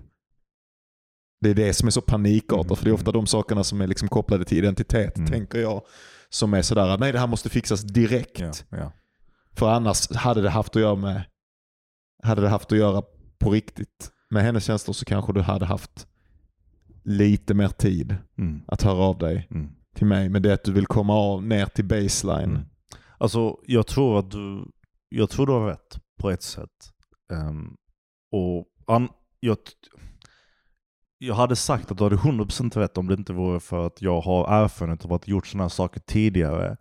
eh, där det inte riktigt matchar det du säger. Okej. Jag ska förklara, jag ska ge dig ett exempel på en sån situation. Men, men för det mesta kanske så stämmer det nog att eh, när man blir konfronterad så, så konfronteras man också av en annan människas utpekelse. Alltså de pekar på dig. Typ som du är inte en god person för det du har Mm. gjort. Och det skär ju sig och gör ont. Mhm. Och jag tror att om jag tänker tillbaka på situationen så var exempelvis hennes vänner där också. Mhm. Och, och, det var, det var, och när jag verkligen funderade på det, så när jag gick dit och pratade med henne så var det som att det fanns en spänning mellan dem också. De kanske visste om det. Mhm. Och det kanske spelade in i mitt beslut av att känna mig som den utpekade som hade gjort någonting dåligt. I samband med exempel chefen som har suttit och sagt hur dålig etisk jag är. För Mhm. vad jag gjort. Så finns det en jättestor liksom, eh, vad ska man säga, gryta av negativa känslor riktade mot mig som jag har försökt försvara länge. Mhm. Som sen konfronteras av en person som säger nej, det var inte rätt och jag blev ledsen av det. Och då helt plötsligt är jag bara världens sämsta människa. Och det är det jag känner nog i det ögonblicket. Mhm. Eh, jag är sämst och jag måste lösa detta nu. Mhm. Eh, men till exempel det här med bilen. Eh, jag, jag tog mig an ansvaret att fixa betalningen och försäkringen och allting sånt efter det som hände, för jag kände att jag var skyldig för det. Mhm. Men, och efter en tid så sa Neffi till mig att hon sa det känns som om du omyndigförklarar mig för att du låter inte mig hjälpa till. Och du Mhm. låter inte mig föra kommunikationen med din chef. Och då sa jag till henne, eh, jag tror att vad som händer är att jag är skiträdd att han inte ska betala. Så jag försöker eh, föra dialog med honom på ett sätt som är typ diplomatiskt korrekt. Där jag, så här, jag, jag, jag ger honom tid och möjlighet och utrymme att göra det han ska göra. Eh, så att han ska vara villig att betala. Men jag är rädd att om du introducerar dig själv i bilden så kommer du lägga till en osäkerhet i situationen. Mhm. Och den osäkerheten kommer leda till att jag får ångest. Och därför vill jag inte att du gör det. Och, och det finns många sådana saker som händer i min, i, i min, i min psykologi där jag, så här, jag, jag vill ha balans. Och in, återintroduktionen, eller introduktion av en annan människas, eller en annan situation som förvärrar situationen ännu ytterligare, för att, som skapar obalans i situationen. Det är det värsta som kan hända. Och det gör Mhm. så jag kan bete mig egoistiskt. Jag kan säga, Mhm. nej jag hanterar det. Även om hon också rätten att hantera det. Hon har också Mhm. rätten att, och om hon vill skriva ett meddelande till honom och vara skitförbannad. Men jag tillåter inte henne. Och inte för att jag inte tycker att hennes känslor är viktiga, utan för att jag är rädd att jag ska må dåligt. Men det beslutet är enbart, det beslutet har inget att göra med att någon pekar ut mig som en dålig person. Eller att någon säger att jag är kass. Utan det har bara att göra med att jag vill bara inte ha ångest. Och den är bara helt objektiv liksom. Ja men jag har nog aldrig tänkt att det har att göra med andras blickar på dig. Jag har, jag har tänkt att det har att göra med Okej. din uppfattning om dig själv. Så okej, så Ja. jag, okej, jag fattar vad du menar. Jag är Ja. bara en dålig idiot. Alltså typ så här, jag tänker för mig själv. Ja. Jag är dum i huvudet. Och... Ja. Okej, ja, det, okej, det stämmer. Det stämmer. alltså, Du behöver utforska ja. lite tror jag. Nej, men jag, ja. Eh, Okej. Hade- men det var, det var något som hände i alla fall, men eh, vi är starkare för det. Ja, jag hoppas Eh, det. Du hade någonting annat också som hade hänt. Eh, ja, en sista sak. Eh, Och sen vill jag höra lite om, om din, din meditations... Ja just det, jag har varit på ett meditationsläger också. eh, Och din arbetarklass-tid nu som, eh, vad är du, vad jobbar du med? Jag är ju eh, jordbruk. Jordbruk, det var... Jag älskar det alltså. Jag älskar dina sommarjobb alltså, de är så jävla roliga. Fucking ut och kör traktor och så. Du gör väl inte det? Nej, nu klipper jag bara, eh, nu går jag med en sekatör och klipper ax och tar prover av, eh, av olika, på olika sorter i alltså så här fält där man odlar liksom små parceller av experimentella sorter av eh, någon form av vete. Är din mammas... eh, Ja, mamma jag är Ja. pensionerad men det här det är på det samma företag som hon brukade jobba på. Så det. Så. Ehm, nej men vi var, vi var i Turkiet, um, jag och Nefi. Just och eh, Eh, vi träffade på hennes familj. Liksom. Eh, skittrevligt. Första gången jag träffat hennes eh, faster och farmor och allting sånt. Och de var skittrevliga mot mig. Och jag hade, bara- vi hade bara så jävla trevlig vecka. Ehm, och min mamma och syster åkte också till Turkiet ehm, separat från oss och träffade på min moster. Så en av kvällarna så åkte vi dit med bil. Um, och, och vi var där och vi hade skittrevligt och åt god mat och allting var underbart. Och så. så åkte vi tillbaka.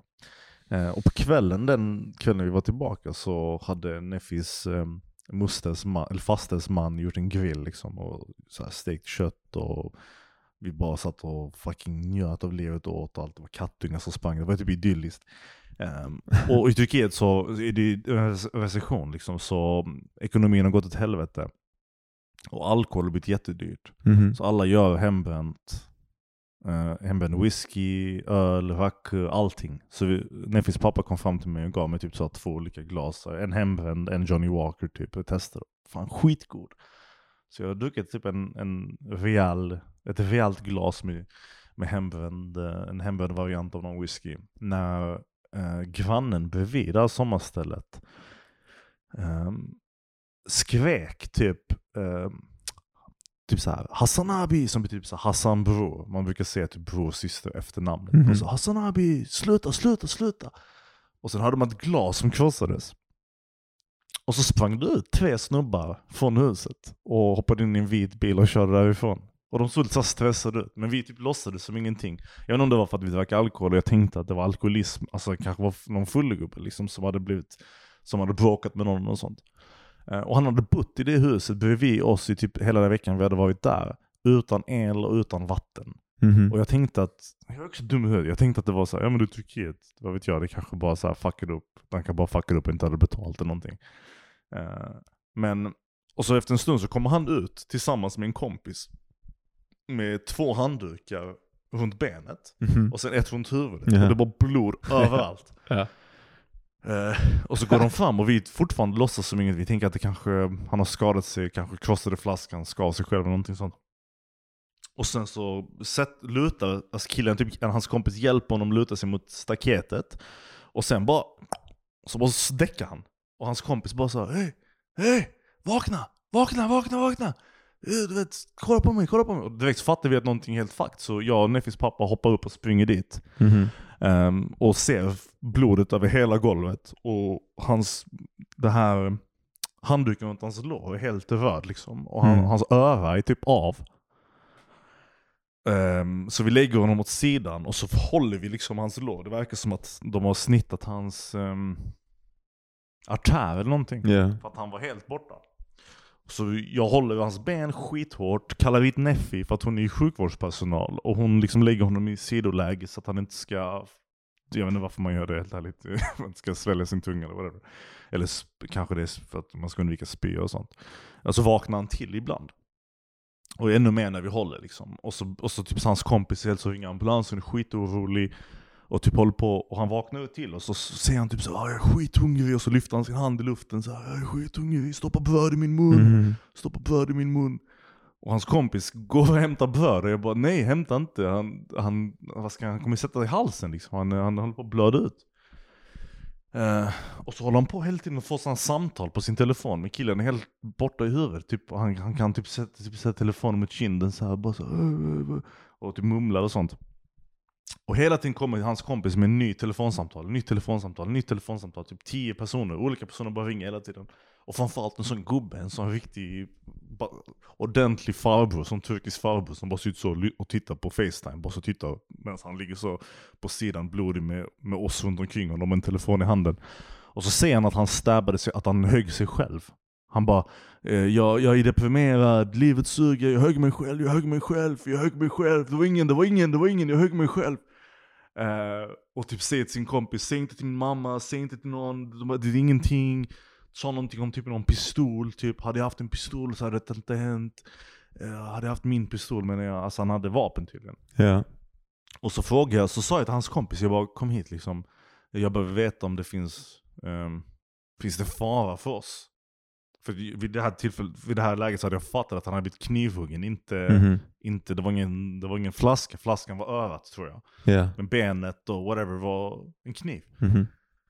Så, och jag, min turkiska är riktigt bajsig, men han sa typ någonting. Han bara typ så här, helt ärligt så vet jag inte. Typ, man vet aldrig. Eller så här, men de här grabbarna, någonting, någonting. Jag fattar inte vad han sa. Ja. Men jag fick intrycket av att nu kommer de här killarna komma tillbaka Ja. och döda oss. De är seriösa grabbar. Ja, precis. Så jag bara sa till Neffi, typ, jag satt där skitlänge och darrade och tänkte typ såhär nu, alltså typ, vad ska man klara? Man måste stanna och hjälpa, man kan ju inte st sticka, det finns inte ens en möjlighet. Men jag sa till Neffi att gå. Så ifall de kommer tillbaka så är det bara jag och pappan som är i problem, inte Neffi liksom. Uh, och till slut i alla fall så kommer ambulansen, vi hjälper upp honom, får in honom i bil i ambulans, vi får lyfta honom och allting sånt. Um, och så åker han iväg och så, och så går jag in i duschen och bara så duschar av mig, jag har blod överallt och sånt. Och bara liksom känner typ att jag vill sticka därifrån. Alltså att jag ville bara där, jag ville inte vara där, alltså jag var skiträdd. Jag tänkte att de skulle komma tillbaka för att avsluta jobbet, se oss, kanske anta att vi hade sett någonting. Massa dumt, så vi åkte därifrån i alla fall. Och sen när vi kom tillbaka på kvällen eh, så hade då tydligen de här grabbarna som hade knivhuggit kommit tillbaka. Eh, men det hade också killen som hade blivit knivhuggen. Sa de. Ehm, och så hade de städat upp lite. Men det var fortfarande blod överallt. Och sen hade han hoppat in i sin bil så hade han sagt vi ses, jag vill inte ha huset längre typ. Och bara stack därifrån. Och så var det det. Och så spenderade jag typ nästkommande dag och bara väntade på att någonting, för jag litar inte på att de var kompisar plötsligt. Vad är det liksom? Ja, det är verkligen inte. Ja, men det verkar som att i efterhand att han, hans pappa var någon slags kriminell, någon maffiasnubbe, så hade han ärvt det huset. Ehm, och så bara, antar jag att han bara bodde där liksom, och gömde sig kanske från någon och så, och så var det någon knark involverat och sen så högg de honom. Men han var okej, som de sa i alla fall. Ja, helt sjukt. Dramatiskt. Bajsdramatiskt. Det, ju- så, det händer alltid med sånt skit alltså. Det är alltid någon jävel som blir shankad eller någonting när jag fucking... Jag, Men det var det. Du då? Sen tog du hade rabies också med den historien. Det, man tror alltid att man har rabies Ja, när man är i sådana länder för det är alltid en jävla hund eller katt Ja. eller någonting som driver. Du Exakt, vet, det var exakt. någonting med mitt ex, eh, annat ex, eh, när jag var i Indien också. Hon blev riven av en hund och sen så typ så här, tre veckor senare eller någonting så bara kom vi in på, på en jävla YouTube-rekommendation av rabies. Ja. Och varenda jävla video är bara Indien. och bara folk som bara, alltså det är det värsta sättet att dö på som Jag finns. vet, Man blir bara helt dement typ. Och Ja. bara, åh, kräks när man tänker på vatten. Och, Exakt. bara ett riktigt jävla helvetesstadie, så 100% dödlighet typ. Ja, ja. ja. Ja, du kan inte, får du symptom så, så, Så är du körd. Ja. Ja, det finns ett par stycken som har överlevt. Men det är en, Sex stycken. ja, så signifikant. Ja du hör precis, det är nyresearchad. Vad Precis, det är, det är mer eller mindre helt säker död. Eh, ja, så det var, det var ett jävla massa nojande. Men eh, på? Hon tog, hon tog ingen spruta eller någonting? jo, vi åkte i, jag tror, fan vi köpte i alla fall det jävla vaccinet eller någon sån här post, alltså postvaccin som man kunde ta i efterhand liksom eller någonting. Ehm, som då kunde minska tror jag, chansen i alla fall Ja, att det hände. Men, men jag tror att till slut så alla doktorer och alla som vi snackar med, alla indier bara nej men skit vi blir rivna av sådana hundar hela tiden. Alltså det, det är ingen grej. De är så jävla chill alltså, Ja. det är helt galet. Jag Ja. hatar det. Ja. De bara skrattar, de bara äh. När, Neffis, när det hände med Neffis uh, muster, eller faste bara äh. Bebiskatter, det, det är ingen far, som att det var sån grej. Typ såhär, barn, bebis, alltså kittens liksom, de kan inte Ja. ha, fan vet jag? Ja, ja visst. Det var samma sak här. Det var, någon, det var en snäll hund liksom. Det var inte ens någon som... Nej, exakt. som eh, men det var någon tjej vi träffade som hade varit ute och sprungit och bara blivit jagad av en jävla hund som hade sprungit efter henne och Oj. bitit henne. Och Oj. hon hade då fått, och hon bara så, det, när vi träffade henne så var det, hade det här hänt typ en vecka sedan och jag tror att det tar längre tid än så har jag för mig för den här jävla rabiesen att, att sätta sig. Så hon bara, ja, jag vet fortfarande inte. Så jag vet inte vad som hände med den tjejen. Jag vet inte om hon hade blivit, Våldsam Fucking- dement och död. ja, det är, fy fan, riktigt läskigt. Men ja. Det, eh, meditationsläget. Ja, det var nice. Eh, Jag var på eh, meditationsläger. Nu försöker jag liksom åka på ett om året. Ehm, Det var ju liksom inte alls så dramatiskt som förra gången och inte så trippigt eller någonting heller. Eh, Som sagt, jag gjorde ett avsnitt i den här podden och där var det verkligen eh, eh, helt livsförändrande och eh, jättemassivt och också eh, verkligen galenskap. Liksom. Att det kändes nästan som att jag höll på att bli schizofren eller eh, var det nu än var psykotisk liksom, i fem dagar. Ehm, och den här gången kändes det mest liksom, ganska kontrollerat. Och också att jag har nu liksom, mediterat så seriöst det här senaste året. Det gjorde jag innan dess också, men liksom med det här i bagaget och liksom varit så jävla into damma då. Mm. Alltså meditation och hela, hela livsstilen kring det och, och, och hur, hur det uttrycker sig hos personer. Så att jag är så grounded känns det som i det nu. Att, eh, att de grejerna som var lite flippiga som hände var ändå så mycket i eh, inom ramarna för vad som känns rimligt för mig. Mm. Att, att ingenting var chockande. Så, men vad det istället blev, kommer ju att handla jävligt mycket om mitt breakup liksom. Och typ om mina relationer till, till kvinnor och till liksom min rädsla för att vara ensam. Ehm, min rädsla för att inte vara älskad. Mm. Ehm, kanske också så här, det här är en sak som de flesta människor då tycker är någonting som man inte behöver jobba med eller kan jobba med kanske eller så, men som jag verkligen känner att man kan jobba med. Vilket är ehm, viljan att kontrollera, men det, det har vi pratat om tidigare också, men, men bara fortsatt viljan att kontrollera vad människor som man älskar gör och kanske även att de stannar kvar på olika sätt. Så känslan av att, att vilja motverka förlust, att människor inte ska lämna en, att människor inte ska dö, att whatever. Det handlar väldigt mycket med det. Och, och, och, men väldigt mycket med, med, med tjejer. Och sen så kommer det att handla jävligt mycket om eh, saker i min barndom Mm. eh, som jag hade glömt. Så förtryckta minnen. Eh, som jag kanske inte vill säga. Det är, det är liksom lite utelämnande för, för någon familjemedlem och sådär. Men det är, det är inte så att jag alltså jag har varit utsatt, jag vill liksom brasklappa att jag har varit utsatt för något övergrepp och sådär. Men, men eh, det var ändå liksom saker som jag, jag kände att jag hade slutit. Alltså jag, jag har inte kommit ihåg min barndom sen jag var alltså kanske 12 år gammal började jag bara så konstatera att fuck jag har håller på att glömma tror jag. Mm. Och sen och sen eh, mm, kommer jag ihåg liksom att jag höll på lite grann med droger och grejer i tonåren och efter det som var kanske inte asstabila, alltså kanske så research-droger, sånt som gick att beställa lagligt på internet då. Eh, och så efter det så kommer jag ihåg att jag bara, fuck jag undrar om de här nu minnes, dåliga minnet som jag har, om det är beroende av Ja. av detta. Och nu kände jag då, och så, så har jag alltid skojat om det, att jag bara, "Ja, men jag kommer inte ihåg min barndom. Det kanske har att göra med att jag tog en del droger där en period. Ehm, och nu så kände jag att jag har liksom förtryckt, och det, det här är skitkonstigt för, för folk säger att man jag har alltid hört att man inte kan förtrycka droger. Att det är en fiction, eller förtrycka, förtrycka minnen.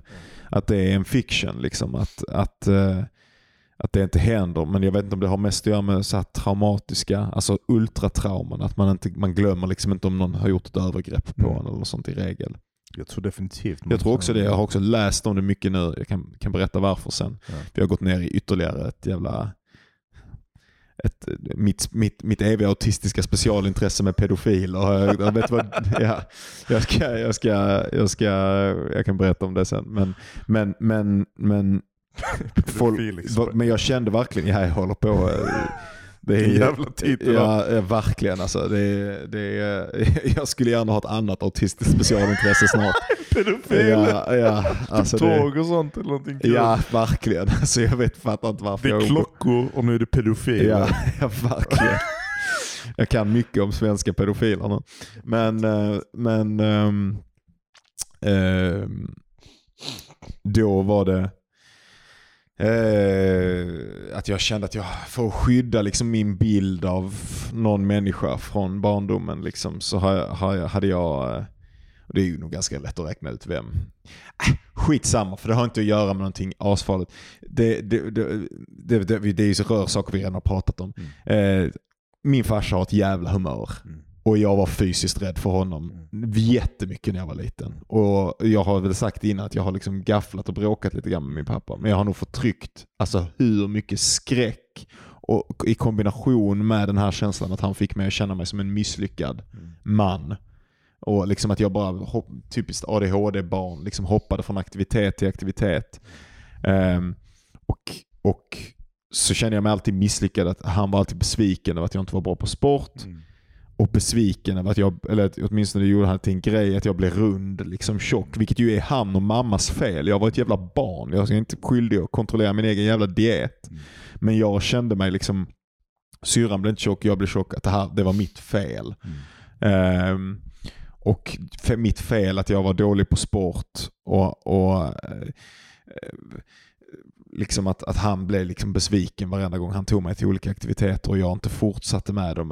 Att det var någon, en grej med att jag var oidrottslig. Och så det kombinerat med att han så ofta var arg på mig och liksom att våld, även om han inte var våldsam, så är det ju någonting när stora män är arga. Han kunde vara så arg att, han, att jag gömde mig. Mm. Att han kunde och skrek, liksom vansinnesskrek. Och jag- om jag tänker på det nu, att typ så här syrrans man skulle göra det Mm. mot barn, sina barn. Då, som, de är fyra, jag var kanske sex med de tidigaste minnena som jag kommer ihåg. Så vi skulle ju få henne att lämna honom och, och, och alltså vi skulle ju som familj göra motstånd mot Mm. det här på alla sätt. Men det var på något sätt en annan tid. Mm. Och jag har liksom inte, alltså jag har inte tänkt på, eller jag har på något sätt normaliserat eller till och med då förtryckt de här grejerna. Att jag liksom kunde ligga som inte många år gammal, eller kanske så här, många av dem är från när jag är nio och sånt och bara gömma mig från pappa. Eller bara vara så rädd för pappa. Mm. och, och det som man är rädd för är bara det här att jag blir fysiskt dominerad av en annan man som bara har, Ja. kan uttryck, skulle bara kunna knäcka mig. Liksom. och det, är det, som, precis. det är det som är implicit i den här höga Exakt, rösten, exakt. den här kroppen, det här fingret Ja. som man får i Ja. ansiktet. Ja, I allting detta så är det bara så du din lilla skit. Du sa inte emot mig. Så Ja. det är i kombination, alltså alla sådana grejer som jag nu har med att vara en, liksom en misslyckad man, min rädsla för när jag inte kan göra grejer, att jag kanske är överdrivet känslig när jag känner att andra människor jag är riktigt rädd för att bli sedd som inkompetent. Liksom. Och att jag bara då bara kände hur allting detta har att göra med det här, den här kombinationen av att vara utmannad Mm. av pappa på alla sätt i hemmet. Mm. Och när jag det sen skulle skickas ut och göra grejer som var liksom manligt sport då på något sätt som barn. Så bara misslyckades jag med det Mm. och det bara befästes ännu mer i hans ögon då. Så han hade båda det här, både, både ett sätt att trycka till mig, vilket gjorde honom till den högre mannen. Och sen att också bara vara besviken på mig inför allting som jag gjorde. Och så hade jag också sån här grej med att jag gillade att spela tv-spel. Ju. För det blev ju på något sätt där, dit jag flydde, eller dit mina intressen då gick eftersom jag då kände mig som så fysiskt misslyckad. Så blev det tv-spel och Warhammer och sådana, liksom mina nördintressen och böcker såklart. Istället, eh, och då framförallt med tv-spelen så kunde jag komma hem och bli alltså bara skrika och bara riva ut tv-spelen men jag satt inne och spelade när det var sommar. Och bara kasta ut mig. Så liksom till och med de sakerna som jag gillade, eller det som, som, som jag drogs till, um, det var bara fel. Ja. Allting med mig var bara fel och en anledning till att bli arg. Ja. Och jag har liksom inte konfronterat vilket jävla, alltså och bara nu av att jag har sett detta och jag har förlåtit honom. Jag förlät honom där liksom på lägret. Mm. Men det var riktigt sjukt för att det var så här att jag bara kände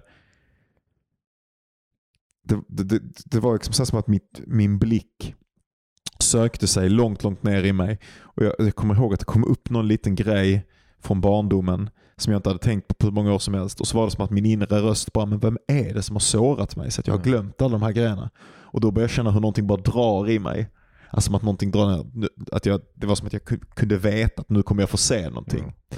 Och så var det så jävla sjukt för att det var liksom som att eh, Jag har ju sagt det till dig innan att när man mediterar på den nivån, eller åtminstone för mig har jag förstått, för när jag pratar med andra har de inte riktigt samma upplevelse, men för mig så kan de här traumanen eller grejerna i kroppen verkligen manifestera sig som, som hårda stenar inuti kroppen. Och jag fick en sån på rövhålet. och jag bara såhär, nej, alltså det är inte någon som har gjort ett övrigt. Alltså det, jag har inte, det är inte, för då tänkte jag det make också perfectly sense för varför jag är så jävla besatt med ondska och besatt av pedofiler och besatt av alla de här jävla grejerna. Liksom. Ehm, och så jävla intresserad av, det, av den figuren, av the boogeyman i skräck. Liksom. Ehm, och, eh, men så tack gode gud så var det ju inte det. Mm. Eh, och det, utan, utan, ut- men- utan det var väl det var kanske nästan som att det var min skräck. Ja. Att det var det det som gjorde att det uttryckte sig på det sättet. Men sen så då, det som kom upp istället var ju då att det, att det bara komma en sån kedja av alla de här sakerna. Att jag bara kunde se hur alla de här sakerna hängde samman Mm. hur liksom mitt behov efter, efter då att, att, att liksom, för ofta så är det väl det att om man har ett behov efter att en massa kvinnor så är, brukar det vara så att man har en dysfunktionell relation till sin morsa. Men in, ingenting sånt där, eller känns det som i alla fall. Det känns som att jag har hört den berättelsen många gånger. Men här kändes det som att, att, att jag har behövt söka så jävla mycket efter liksom den manliga gruppens bekräftelse. Och det kan också vara kvinnlig. Och det kan också ja. vara liksom, liksom, ofta för mig så har det nog inte varit liksom, det har väl varit det också, de här grejerna är väl komplexa, att, att, då att kvinnor väl- ska tycka om mig, men det, det har också varit liksom att andra män ska se Nej, att vackra kvinnor tycker om ja, mig. ja, Liksom. Men du, du pratar väl mycket om Ja. hur du liksom fokuserar jättemycket på alltså, att, Andra mäns blickar på det. Ja. Ja, verkligen. Och liksom att det har tagit lång tid för mig och mycket liksom introspektion och allvarlig självrannsakan. För att börja släppa på det liksom. För att överhuvudtaget sl- liksom här, men andra mäns blickar har inte shit att göra med hur jag känner i den här relationen eller i vad det nu än är. Med vilken relation som helst. Och, och, och, och det var ju verkligen, alltså jag satt och, när det här kom upp, det var jag satt och grät. Alltså jag, jag fortsätter ju alltid meditera igenom pauserna. Det var någon sån paus där alla andra går upp, eller nästan alla går upp och lämnar lokalen. Man får liksom lämna i fem minuter mellan. Det har gått liksom en och en halv timme. Mm. Så får man gå ut i fem minuter och sen ska man komma tillbaka och meditera. Men jag tar inte de pauserna så jag sitter liksom fyra och en halv timme i stöten, tre och en halv timme i stöten, jada jada. Ehm, och då, eh, och, alltså jag satt där, och jag, jag satt ju liksom och bara grät, jag bara kände hur det hängde snor och allting, och hade långa strängar. Jag bara, nej jag ska inte fucking, jag ska inte lämna min skit. Jag ska sitta igenom det, jag ska sitta igenom den här humiliationen, jag ska sitta igenom allt. Um, och det har varit, det har känts så jävla mycket bättre. Det kändes verkligen som att jag kom ihåg att bara att våga känna de känslorna. Och sen kommer jag också ihåg att jag kände att jag brukar vara så här. Jag brukar vara så jävla otålamodig med min mamma. Och jag brukar alltid skämmas över det, Ja. men inte riktigt konfrontera det på Ja. riktigt. Liksom. Att, jag, att jag bara, jag, hon gör grejer, och ofta är det när hon gör grejer, liksom, jag tycker till exempel att hon är jävligt stressig när hon kör bil. Mm. Alltså så här när hon ska köra förbi en lastbil så bara skakar hon på händerna så här, bara, "Åh." Och jag bara, mamma fan lägg av. Mm. Äh, Du måste, för, om du ska köra förbi den här jävla lastbilen så får du vara stabil nu. Du kan inte hålla på och stressa upp dig för det är farligt. Men så säger jag inte det. Så som jag sa det nu, det hade varit ett rimligt sätt att säga det på, kanske. Eh, utan jag blir arg. Jag blir arg när jag upplever henne som inkompetent. Liksom. Emil, lever du pappa eller? Nej, vad jag kände då, ja men typ, men vad jag kände då verkligen var att, att ehm, för jag gör inte så med någon annan. Jag, liksom, eller ja, jag har någon i mitt liv nu som jag gör det med, där jag också skulle kunna inte göra det. Men, men det här väldigt hårda reaktionen som jag kan ha på vad jag upplever som inkompetens, där kände jag då att, att jag gör det mot morsan när, när eh, som ett sätt att jag, jag kunde liksom aldrig svara på pappa. Jaha. Utan jag på något sätt, och hon låter mig. Ja. Hon, sku, hon, är för snä, hon är så snäll så hon skulle aldrig hugga Ja. tillbaka. Så då är jag så jävla dålig människa att jag kastar vidare den ilskan som jag skulle vilja kasta på, skulle ha velat kasta på pappa, Mm. på henne. Och sen har det liksom bara satt sig i, satt i system. Så jag pratade med henne om detta när jag kom hem och, bara, och har verkligen försökt att inte göra det. Jag bara, förlåt, det här är verkligen någonting som jag nu har sett, som jag har inte fattat varför jag gör det tidigare. Ja, ja. Men nu kändes det som att jag verkligen fattade det. Och när jag såg alla de här grejerna, liksom, de här mönsterna. det, det, det tar ju lång tid innan man liksom ser hur det faktiskt har inverkan i livet. Men jag känner mig så jävla lättad Mm. att, att jag verkligen har, har, här, det, har kommit åt någonting med my stuff. Liksom, med berättelsen om mitt liv. Mm. Och det är konstigt att det har en, en aspekt. Alltså meditationen handlar ju väldigt mycket om att släppa på eh, vikt, att de här berättelserna är viktiga. Men kanske genom att man Men- ser dem och, ja. och förstår dem. Så det är precis det, är det som händer. Men, men det är intressant att det har en sån terapeutisk, Ja. självterapeutisk tendens också. Att det bara visar dig grejer och det här, eh, liksom, om man ska prata inom traditionen, inom buddhistiskt språk, så de här karmiska kedjorna som, som bara, det här är varför det är så som det är nu. Mm. Och genom att bara låta det där släppa på det Mm. så behöver du inte reproducera Mm. de här mönstren längre. Det är ju liksom den här pseudopsykologiska, pseudoreligiösa idén som finns. att eh, man, man, man bränner upp eller man, man, man an- genom att inte reagera så, så använder man typ upp sin karma eller någonting. Man, man, eh, gammalt skit kommer upp till ytan istället. Eftersom man nu inte reagerar på en negativ känsla i nuet Mm. så kommer en gammal känsla upp Mm. för att typ kompensera för det Mm. eh, en gammal känsla som ett reaktionsmönster. En, någonting som liknar det du upplever nu. Mm. Som du känner en viss smärta nu och inte reagerar på den. Så kommer en gammal smärta upp och så om du inte reagerar på den heller så, så liksom omtolkar hjärnan situationen och bara okej, jag antar att det här inte är någon fara. Eh, och, då, och så försvinner den. Och det är eh, det är fan alltid powerful stuff. Det är intressant att höra dig prata om just det här med din pappa också och din mamma och så. För att det får mig att tänka på hur egentligen lika vi är i vår uppfostran och hur vi Mm. har, hur vi, både i vad vi har varit med om när vi varit små på ett sätt men också hur, vad det har resulterat i hos oss som vuxna människor. Och det varit någonting jag tänkt på tidigare för jag har tänkt att alltså, till det yttre så, så, så när du pratar om din bakgrund och vem, hur du har fostrats och så så har inte jag tänkt att vi är så lika tidigare. Jag har inte tänkt att det Mhm. finns så många saker. Men de har, den här, det du berättar nu exempelvis, och din relation till din mamma, och vad hon, vad hon symbolis, har kanske symboliserat i ditt liv som liten och i vuxet liv. Det är jättelikt det jag, det jag har känt. Jag brukar också vara svinrädd för min pappa. Men skillnaden är min pappa var aldrig hemma, ju. han bodde i Turkiet så han kom hem då och då. Där, därmed en, en, en, en typ av instabilitet där mamma är liksom auktoritetsfiguren och prototypen av godhet. Liksom. Och sen kommer den här arga mannen liksom, som blir den nya auktoriteten och som visar inte, som, som, som är elak mot min mamma, men som är elak mot oss också. Och blicken och fingret och, och, och hur obegripligt läskigt det var som liten. Att, bara, att han kunde bara titta på en med ögon och så var det bara det värsta som fanns i världen, man blev skiträdd. Även om man aldrig gjorde någonting fysiskt, det räckte bara. Och också det här med tv-spel. Jag brukade, jag brukade skämmas att kolla på Simpson exempelvis, för det var tecknat. Eh, för jag trodde att han inte fattade att det var för vuxna. Det var så vuxentecknat visst, men det var tecknat, så tecknat för barn. Mhm. Och då var, var han så besviken. Typ så jag, var, jag var ett barn, jag var typ tio. Alltså, Mm. så jag ska kolla på teckning, jag ska leka Mhm. med leksaker. Men det var alltid den här förväntningen att man skulle bli en man och sport. Mhm. Och när man inte var duktig på sport så var man dålig. Och sen också att han, han typ kallade mig en, en idiot. Typ. Alltså så om jag tappar någonting eller om jag gjorde Ja, fel. shit. Att, att man kan se så till sitt barn, typ, och det kändes. Alltså, och jag brukade tänka som väldigt liten, bara så pappa kunde typ spilla ett glas mjölk och så var det kul.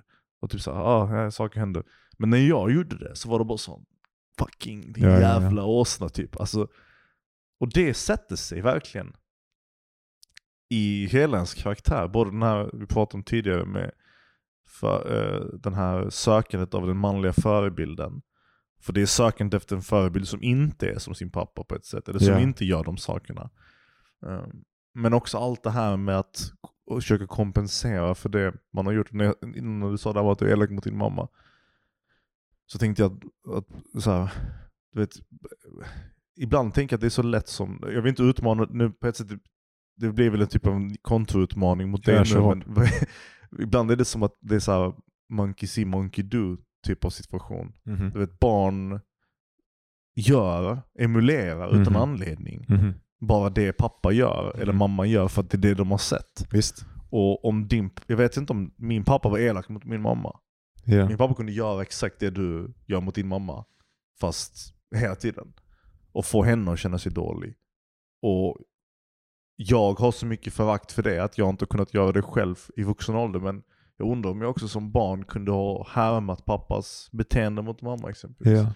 Jag vet inte om din pappa var, var så inte, mot mamma. Ja, det, är inte, det är inte min upplevelse Nej, alls. Liksom. det, det, Utan jag, min, och det var inte min, min känsla som kändes väldigt Mm. sann då när jag upplevde det. Mm. Var att det här är liksom bara att jag styr om ilskan. Jag Ja, hade så mycket ilska mot min pappa. Men du kunde inte uttrycka det mot honom? Det nej, för att alltså. nej, för att han, Ja. jag trodde, du vet det här som jag har berättat någon gång, jag tänkte också på det minnet. Alltså bara på hur, hur jävla, alltså det var något, något när det kändes som att jag förstod min pappa eller förstod det, var- det, här, det var något riktigt skönt som hände också för jag har pratat om det där med, med, med att han har varit ett sånt ideal för mig. Och Jag hade den stora känslan att jag liksom har förtryckt den här barndomen, all den här rädslan för min pappa, för att få lov att ha honom som den här förebilden. Liksom. Och, ja, precis. Men jag har också mått jävligt dåligt av den förebilden. Därför att jag känner att jag misslyckas i förhållande till den. Jag kommer aldrig bli lika ekonomiskt framgångsrik som honom, han är. Och på vissa sätt så är han väldigt principiell och, och liksom eh, sådär, eh, vad ska man säga, ja, han, han har ju verkligen gjort väldigt mycket för sin familj och sånt på ett sätt som jag verkligen beundrar. Och så har jag varit rädd, men kan jag göra det? Kan jag vara ärlig och hardworking och, och, och sådär, sätta familjen först? Och han har alltid varit principiell inom sitt arbete och all, inte gått över sina gränser på, på, på ett jävla sätt som andra människor omkring honom verkligen beundrar. Och han är liksom lite... Han har en förmåga att inte välja världen och status och rikedomar utan att välja sina principer naturligt utan att Mm. någonsin prata om filosofin bakom det Mm. Som, som jag alltid bara shit, han är det som jag, som jag filosoferar mig fram till att jag vill vara. Men det här, här hade jag verkligen en sån grej där jag fick ha en sån känsla av att ehm, nej men fan det finns fan riktigt många sätt som jag är en bättre man på Mm. än vad min pappa någonsin var. Mm. Och det kändes så jävla skönt att få nästan tänka de orden. Ja, ja, ja, Och bara shit, det är verkligen så. Alltså- det finns sätt där jag ställer upp för folk och, och lyssnar på människor Mm. och, empati, och har empati för människor på ett sätt som han, nästan bara för att han är en man av sin generation, liksom, eller sådär, whatever, inte skulle kunna ha. Och där, där, han, där jag har liksom hanterat en massa av den här ilskan. För jag tänkte på det här minnet som jag jag pratat om i podden tidigare, när vi nästan slogs över den här Pavarotti-grejen.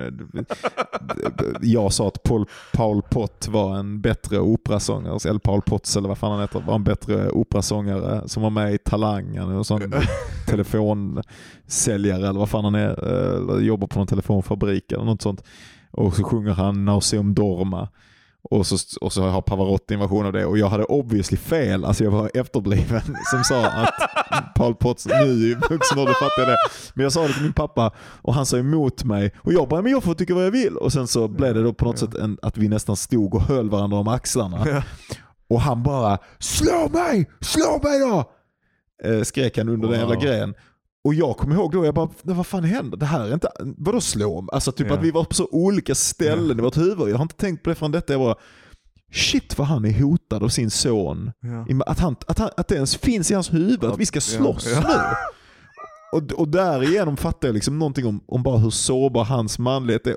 En, grej, en del av hans manlighet och en del av hans person som han aldrig visar. Ja. För det är där när jag såg det Ja. då, Ja. hur, hur, hur fragile. Och jag fattar också någonting om hans relation till hans pappa då eller någonting.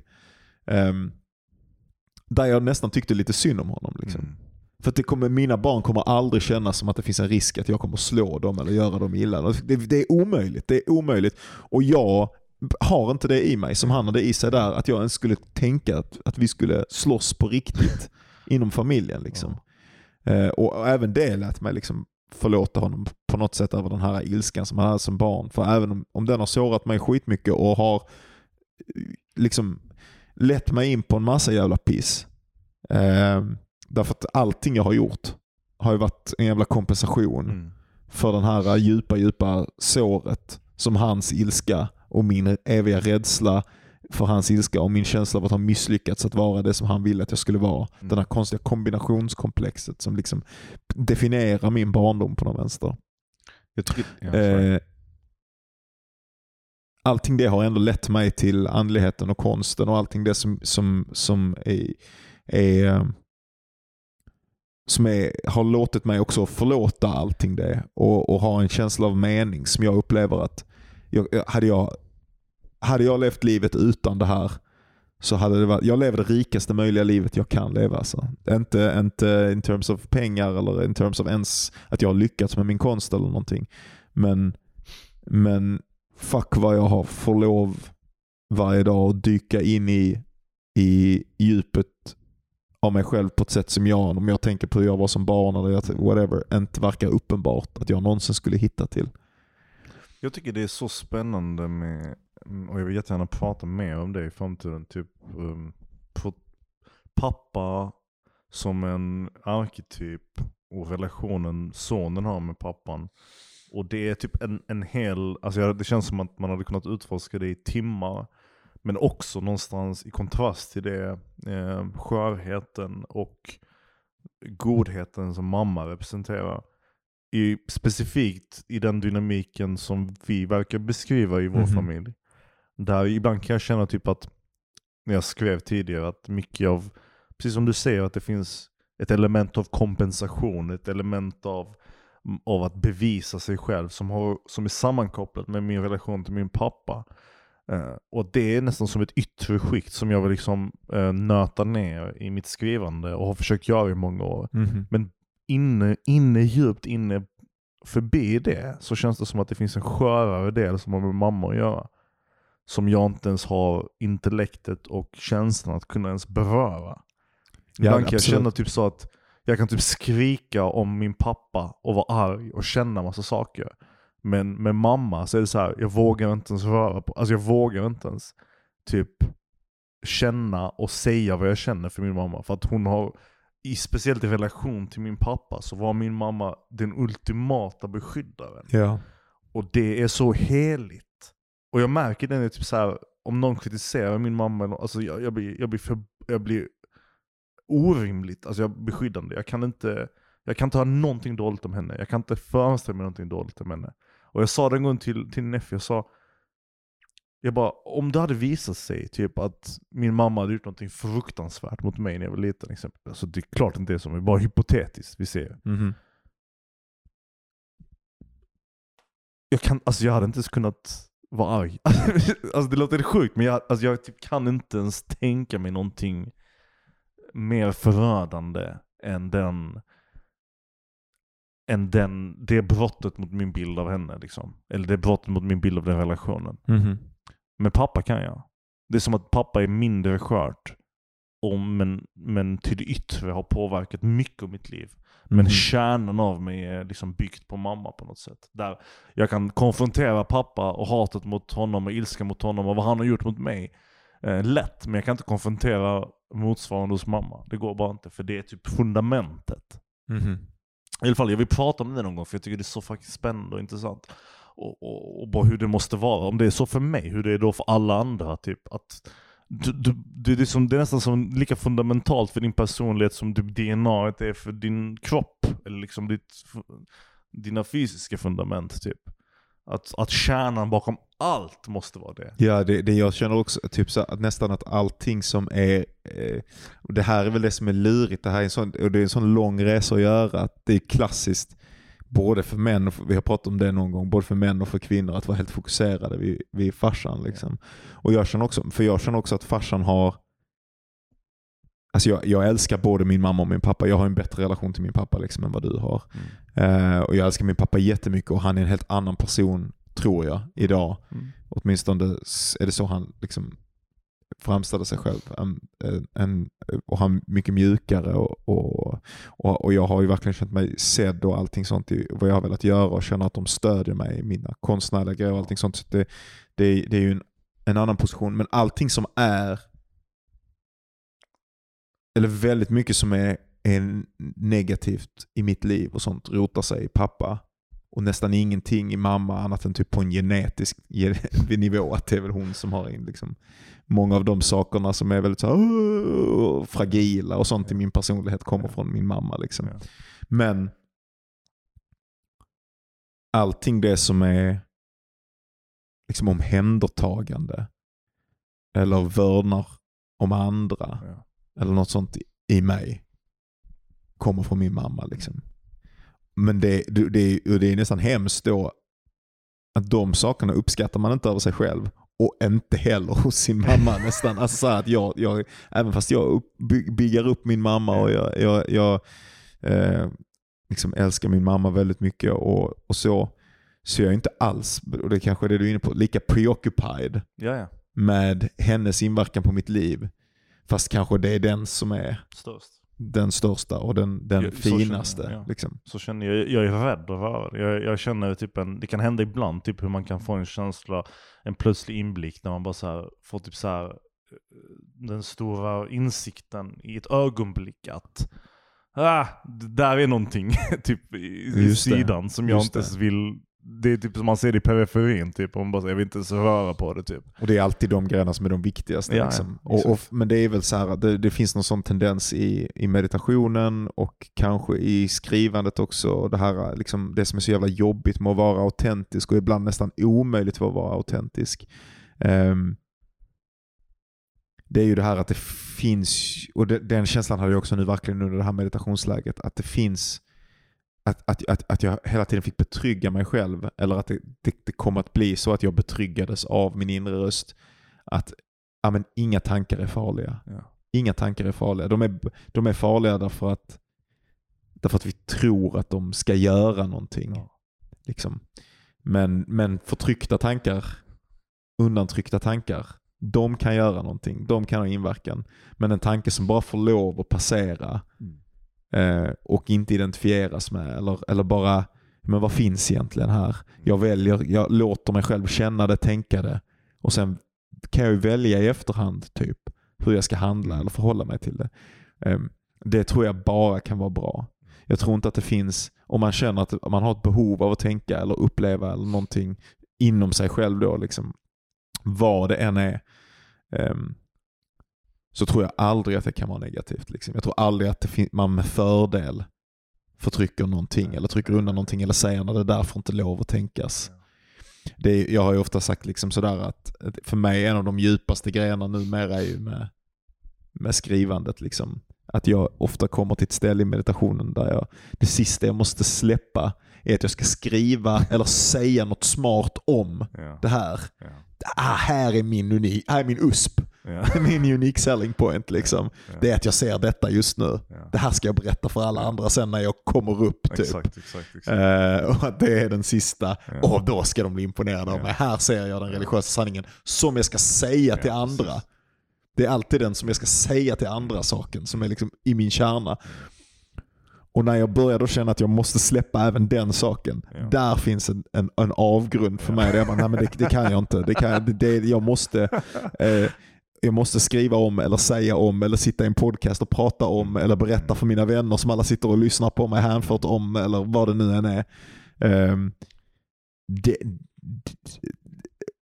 den delen av min personlighet är skitliskig att släppa. Men förmodligen är det det kanske till och med då, och det tänk, försöker jag ofta tänka då, det är den jag måste släppa Ja. för att sen kunna prata om det. Exakt. Alltså det är, Din men- jävel. nej men Din alltså, lömska jävel. ja, nej men alltså typ så här, nu menar jag inte ens det som, en, eh, alltså som en, ett, ett Nej, metaskämt eller någonting. Utan för att överhuvudtaget komma åt det Ja. som är sant eller riktigt eller viktigt här, Ja.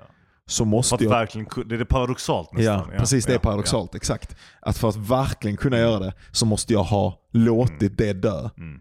Ambitionen att skriva måste försvinna helt för, att jag ska kunna skriva. Men eh, bara för att avsluta eller koppla den tanken så att jag tänker typ att man måste liksom ner i eventuell ilska på även de sakerna som, och alla andra känslor också, eh, som man räds allra mest Ja. att man går och bär på. Ja. För att, alltså så här, för att du ska kunna älska din mamma till exempel Mm. helt ut. Ja. Man måste på något sätt lita på att det, är den här, det här har att göra med, det här är liksom egodödens essens men också essensen av alla, att komma över alla trauman och grejer tror jag. Man måste lita på att det finns kvar. Ja. Det som man, det känns som att man håller på att förlora. Mm. Det finns, finns kvar efteråt. Men, men man släpper det. Mm. Alltså det, det är ingen permanent förlust eller någonting. Så att, så att, så att du måste vara beredd att släppa din mamma och din kärlek för din mamma och allting Ja.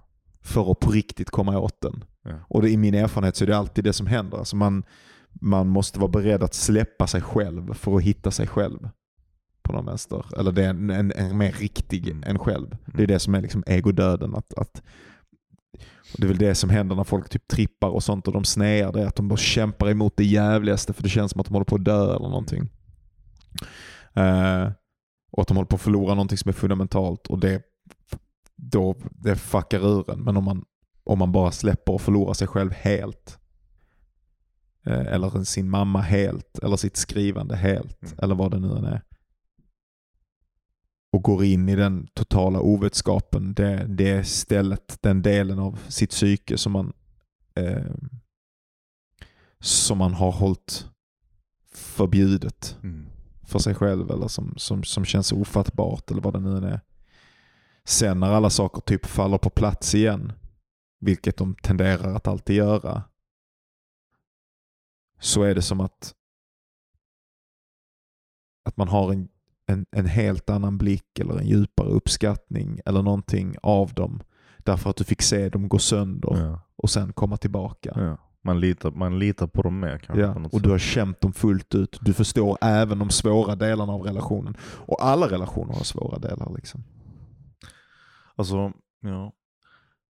Jag tänker att kan, kanske just den här uh, illusionen eller tanken och vetskapen att, eller tron att, att alla de här sakerna man känner och, och tycker är så viktiga måste kontinuerligt hållas igång av en själv. Men när man släpper dem på det sätt som du beskriver och de kommer tillbaka så är det ju typ ett bevis på Ja. dens Ja, ja, det är, varför, det är varför all bra typ religiös konst fokuserar på tvivel. Ja, Liksom. Den riktigt bra ja. religiösa konsten har, har tviveln som sin kärna.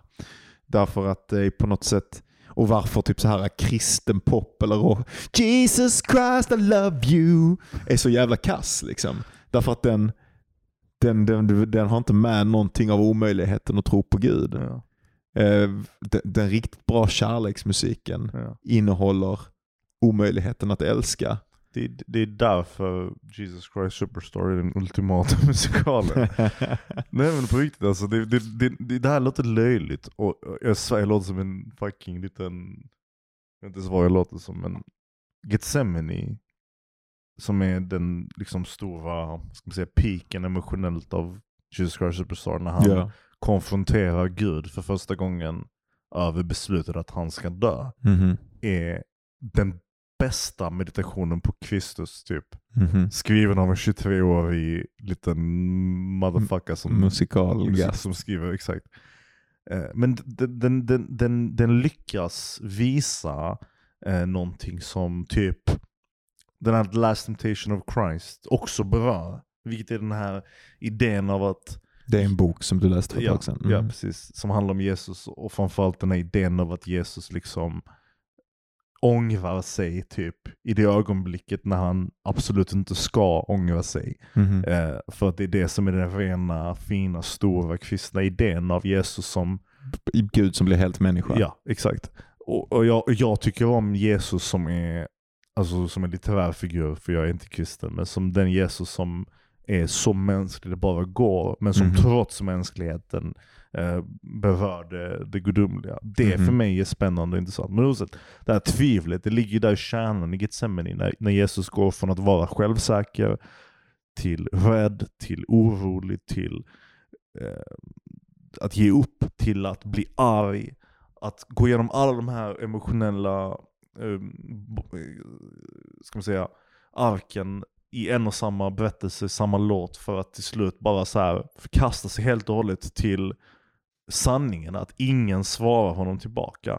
Gud, han skriker de här sakerna till Gud. Va, va, varför ska jag göra detta? Vad kommer jag gynnas av att dö?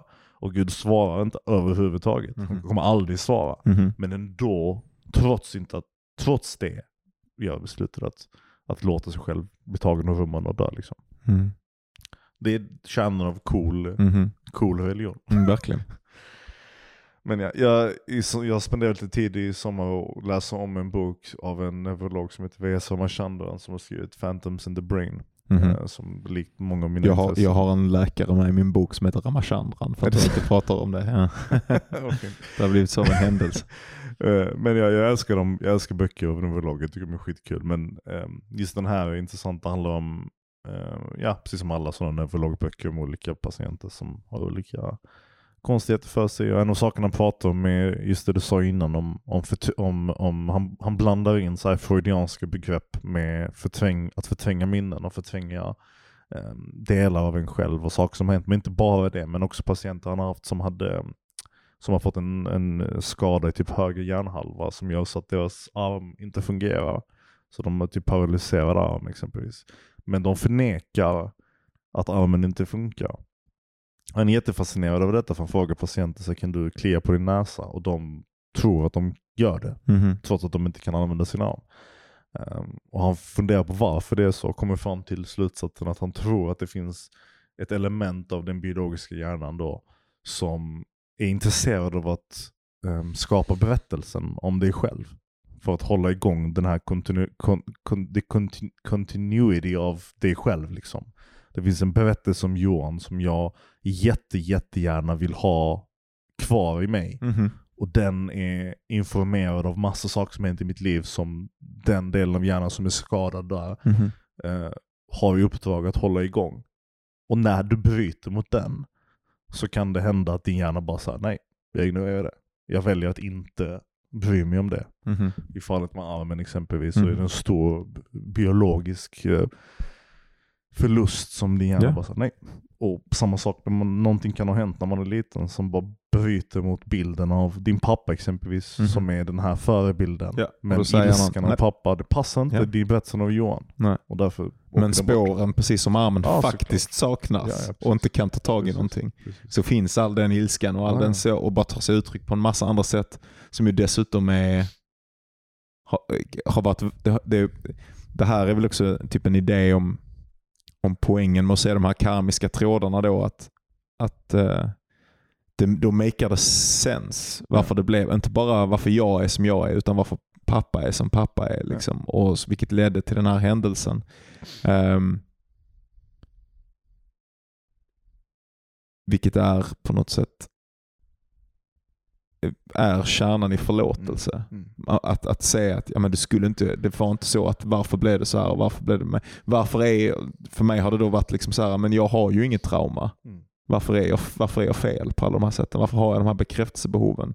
För om jag hör andra som jag tycker har samma liksom, upplevelse, som stack alltid deras farsa eller någonting. När de har liknande komplex som mig så är det alltid med farsan. Så stack deras farsa. Men min farsa var ju där och min pappa var en bra pappa och vi åkte på semestrar och vi hade det bra. Mm. Och det är ju sant. Och han var allting det. Men han var också jävligt arg och jag var jätterädd för honom. Och det är också sant. Mm. Och när jag väl nu fick liksom återvinna Mm. den grejen, jag accepterade att jag inte hade någon arm, så k- kunde jag liksom börja. Mm. Känns som att jag, det är ett nytt kapitel igen Mm. på det mesta. Ja, det är fint att tänka på det så. Jag undrar bara, ja, det lå- det låter som ett perfekt avslut där. Men Mm.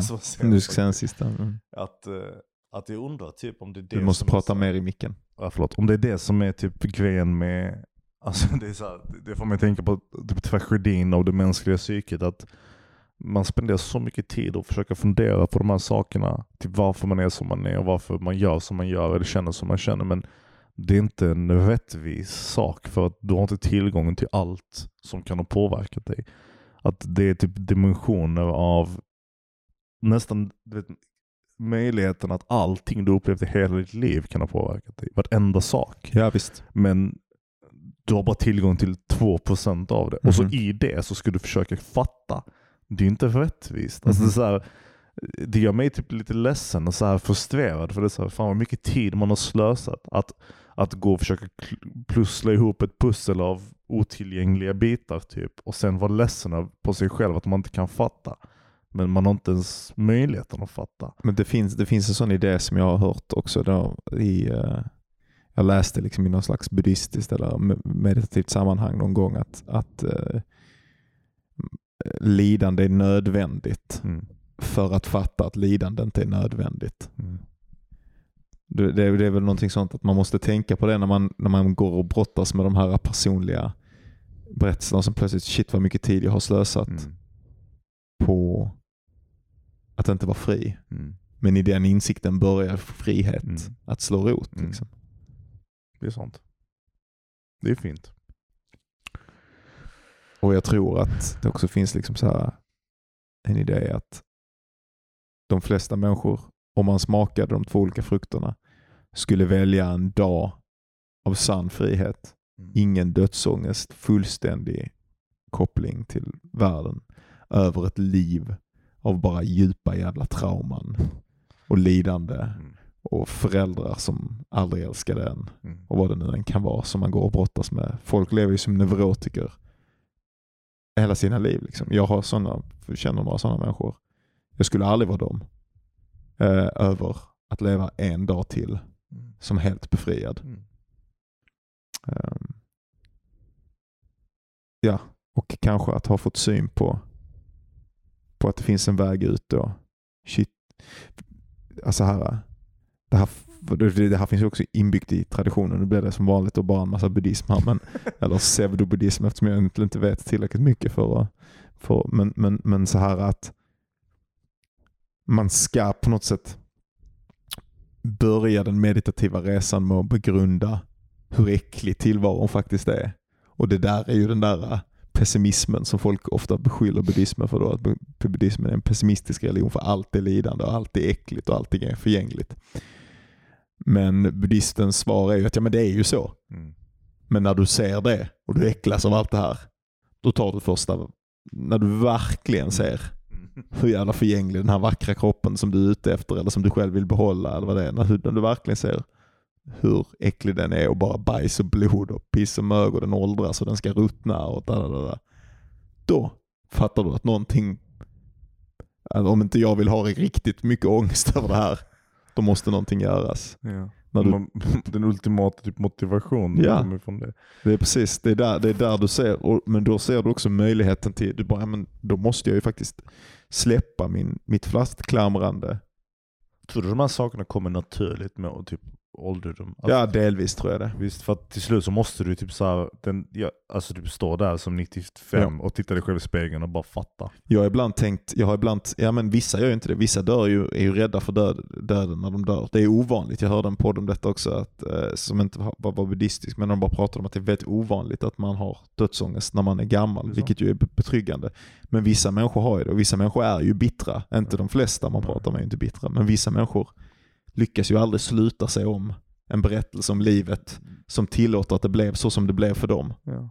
Och det är ju läskigt. Och där, därför tänker jag, det är, det, det är liksom det som är poängen med att tänka på döden hela tiden. Att, att, och med så här mori, liksom. Mm. Att, eh, att man, i var, allting som händer så måste man på något sätt tänka att ja, men jag ska faktiskt dö en dag. Kommer, jag, kommer det att kännas okej att det blev så som det blev? Om jag gör på det eller det sättet i det här ögonblicket. Ehm, och om, om man känner att eh, det kommer att nog kännas okej, ja men då gör man på något sätt rätt. Ja. Då har man gjort rätt beslut Ja. eller gör rätt beslut.